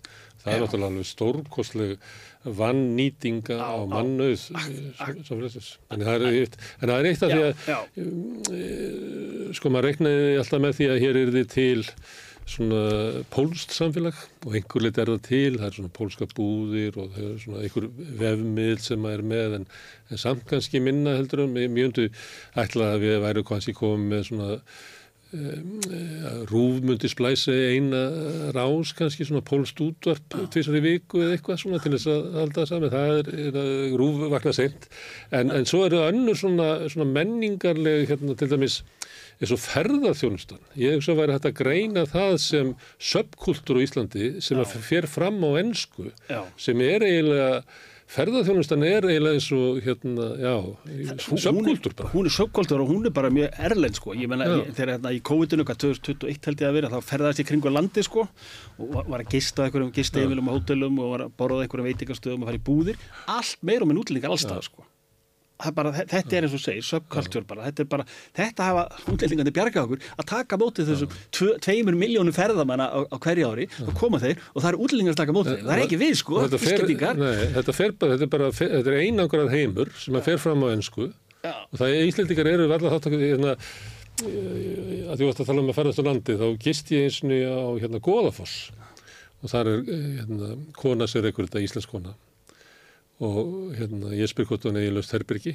og hún svarar mér ennsku og ég svara alltaf íslensku. Og þetta var búið að ganga í svona kannski fimm skipti á milli þegar hún allt í henni fattar að ég sé að tala íslensku hún bara fatt Já, hún er hægt að reikna með því sko. hún að með að hún lifir alveg í, Í er- svona heimi, subkultúr sko. sem eiginlega er ekki En en þá ég veit ekki, þetta er ekki ekki glæpa menn sko, en ég bara að segja hvað, samfélagi er breytt samfélag, samfélag. En þannig erum við sko, þannig erum við að mæta útlendingur túrismi, túristur sem komið ekki til þess að fallaða lands og margt sem Ísland var að bjóða. En við erum látum útlendingar vera geskjafana sko, í raun og veru sko, það er það sem er að gera og það, er svona daldi sérsta formaður íbúa samtaka miðborgarinnar eh, á hund. Og hún sagði mér sko að stundum leittist henni þetta að því að þegar hún að lappa nýri bæ með hundin og þá sjá túristarnir, hann er Íslendingur. Það kemur ekki Já. túristi með hund. Nei, Þannig að þeir rjúka á hana, þannig að hún þarf að vera leiðbeina og segja og segja hvað er karaoke bar og hvað er þetta og hitt þegar hún lappar út með hundin. Já, já, ak að- akkurat sko, því Íslandingar þeir týnast, ég meina, þú veist að ég fennu gegnum miðbæðan hverjum degi sko, hérna, og, og það er alveg túristaflaumun er þarna bara allstaðar, maður sér vall Íslinga, allavega ég maður að reyna svona að greina, þetta er einhver Íslingar að lappa glögavein eða í Östustræti eða Östuvelli sko, þetta er allt meira og meina útlendingar. Og svo eru túristahópar til dæmis á Östuvelli sko og erlendur gæta að segja þeim frá Jóni Sigursinni sko, þú veist, það mér finnst það svona, svona komist eitthvað, svona, ég ætla ekki að fara gaggrind og þetta má ekki eitthvað svoleiðis, en mér finnst það sumilítið svona einkennandi fyrir þetta, við erum eiginlega búin að útvista ferðarþjónustinni, kannski til útlendinga sko, sem, sem, sem sjáum þetta svona fyrir okkur, en þetta hefur bara gert bara líka svo hratt, við eiginlega að skilja þetta líka, þetta er bara, þetta er sprenging sko, veist, þetta er bara gerst á 20 árum. Að við erum allt í hennu bara, þú veist, orðið allt annað samfélagi en við vorum um aldamótin sko. En til að skilja þetta mörgum og, myndum, sko. og, og svona þær áskoranir eins og sagt er sem eru framundan að þá er það þannig að þegar að, að innflytjundu fjölgar svona hratt eins og hefur verið hér að þá býr það til eitthvað sérstætt ál, álag á réttarkerfið. Já. Og hvað við gætu verið með smá fyririkju ef, ef við vildum við- við hefðum áhuga á henni það er nú ekki okkar þjóðarsport Nei, okkar þjóðspor, sko, við viljum bara þú gríp, takast á í vandan þegar hann kemur sko, þú veist, eins og við erum svona svoleiðis þjóð sko, við erum svona náttúru vá allt þetta eða fiskleysi eða COVID eða, eða hvað sem hann er að bankaruna þá viljum við einhvern veginn bara bregðast við þegar vandinni og við erum kannski dálítið að það að gangast upp í því sko. Já, kannski ættum við að fara að þjálfa fyriríkjuna Já, fara að þjálfa fyrir ekki, það þarf kannski að ge- gera það einhver, einhver, einhver, einhver leiti sko. Þannig me- með það, þá er sko leksían, svona, eða lærdóminu eða eitthvað sem maður hafi í huga framtíðar er það að bara þeir sem koma hinga til lands, að þeim standi bara til bóða svona vænlegir lífs ákomi möguleikar sko. að þið getur raunverulega að sér halla varandi húsnaði, varandi mentun, varandi atvinnu og að, að þeir einhvern veginn finni það, að þeir líka þeir séu svona velkomni sko, og börnin og fullorðni og allt þetta, að vera, vera með einhvern umgjörð þannig sem gera það verkum að það verði svona lífvænlegt fyrir það ég menn ef við erum einhvern veginn föst í þessu móta einhvern veginn að þeir séu, þú veist utanakomandi, þú veist að þeir, að þeir séu bara að fara eða þeir séu einhvern veit að pretta okkur eða einhvern að gera en lífið erfitt, þá erum við raunverulega að plæja jarvegin fyrir erfiðleika e, í, í, í framtíðinni sko og En Helgi, þess að þú segir að við höfum ekki að gera, það höfum við verið að gera. Já, já, að sumuleita hún er doldið sloppið með það, sko, finnst mér, við höfum viljað sloppið með mörg leiti vegna að við höfum verið að fá yngar mjög harduglegt bara að vinna sem kemur ykkur beinleins til að vinna og leggur alveg ómælt á sig, þú veist, þeir eru að vinna alveg, þetta er engin smá hérna vinnitími sem þetta fólk er, ég, ég býð þetta einn í dalum og sé alla þessar framkvæmdir, þetta eru útlendingar, þeir vinna á laugadögum meira og minna, þú veist, allan þeir vinna, þeir vinna til 6-7 all, alla daga. Ef þú ert í lánunarstörfum þá þarf þetta að vinna mikið, sem fá eftirvinnu, en, en ef þú fer ekki eftirvinnu þá ertu bara í tveimur og þreimur vinnum. Sko. Já, akkurat, og þetta fólk er svona, þetta er bara mjög harduglegt fólk, svo bara spurningin er sko, munum börnið þeirra vera svona? Hmm. Láta bjóða sér þetta. Já, láta þið bjóða sér þetta. láta þið bjóða sér þetta. Maður það ekki.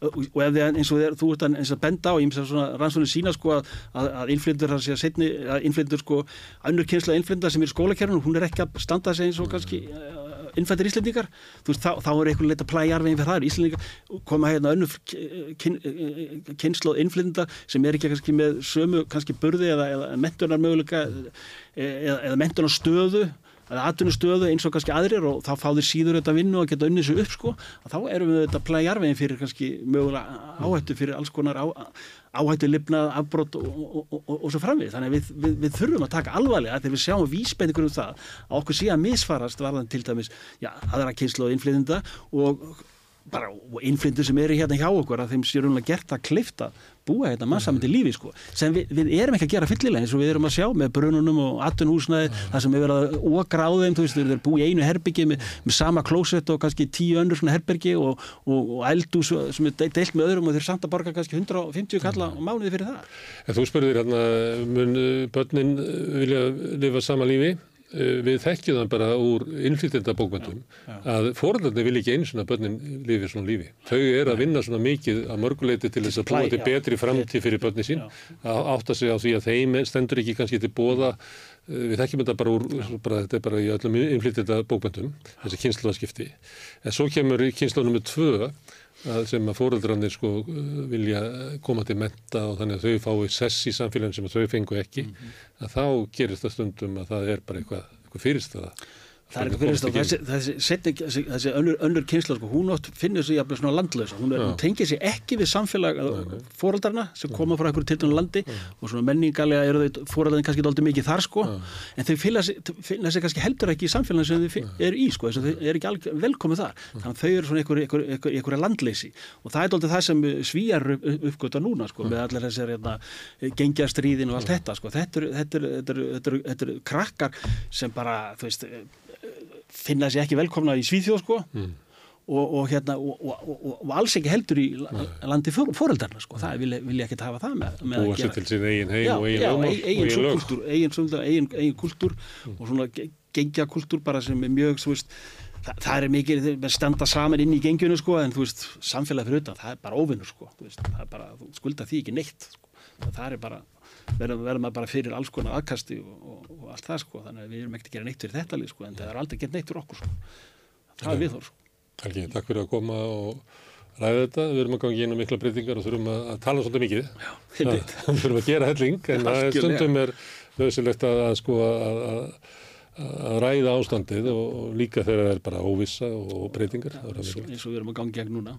Þakka Takk Herðu, Þetta segjum við að sé lokin á Rauðaborðinu kvöld og ég ætla að minna ykkur á eins og oft áður að uh, samstöðin er samvinuverkefni okkar sem erum að búa til þætti hérna bæði hérna meginn við velinna og hinum meginn gæstana sem hinga að koma og ykkar sem eru að horfa og hlusta Þið getur hjálpað okkur að byggja upp samstöðuna með að benda vinum og vandamönnum á efni sem ykkur finnst þess virði. Við erum á Facebook og YouTube, við erum í öllum hlaðvarsveitum, við erum í útvarpinu á Stór höfuborgarsvæðinu 89,1 á FM en það má líka hlusta á útvarpið í gennum spilaran, spilari.is er á netinu og svo er spilarin líka app sem getur hlaðið niður í símaningar og hlustað á samstöðun og allar íslenskar útastöðar hvað sem er í heiminum. Við erum komin í sjónvarp til þeirra sem að fá sjónvarstöðuna sínar hjá símanum.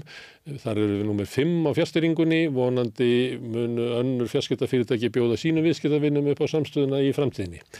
E, Þið sem að vilja hjálpa okkur að byggja upp samstöðina geta gert það með að gerast áskrifundur. Þið farið þá inn á samstöðum.is, það er hnappur sem ástendur áskrift. Það kostar 2500 krónur að vera áskrifandi hér sem að mér er sagt að segja allt og lítið. Þau sem að vilja geta borga meira og þau sem að kjósa geta látið áskriftina renna inn í alþjóðufélagið. Það er alþjóðufélagið sem á og rekur samstöðuna. Þið getið eignast uh, fjölmiðil í félagi við aðra fyrir 2500 krónum mánuði. Það er góðu dýl eins og sagt er. Men þetta er uh, rauðaborðið í kvöld. Við verðum hérna næst klokkan 8 á morgun og ég segi góða nótt. Segðu það á samstöðinni.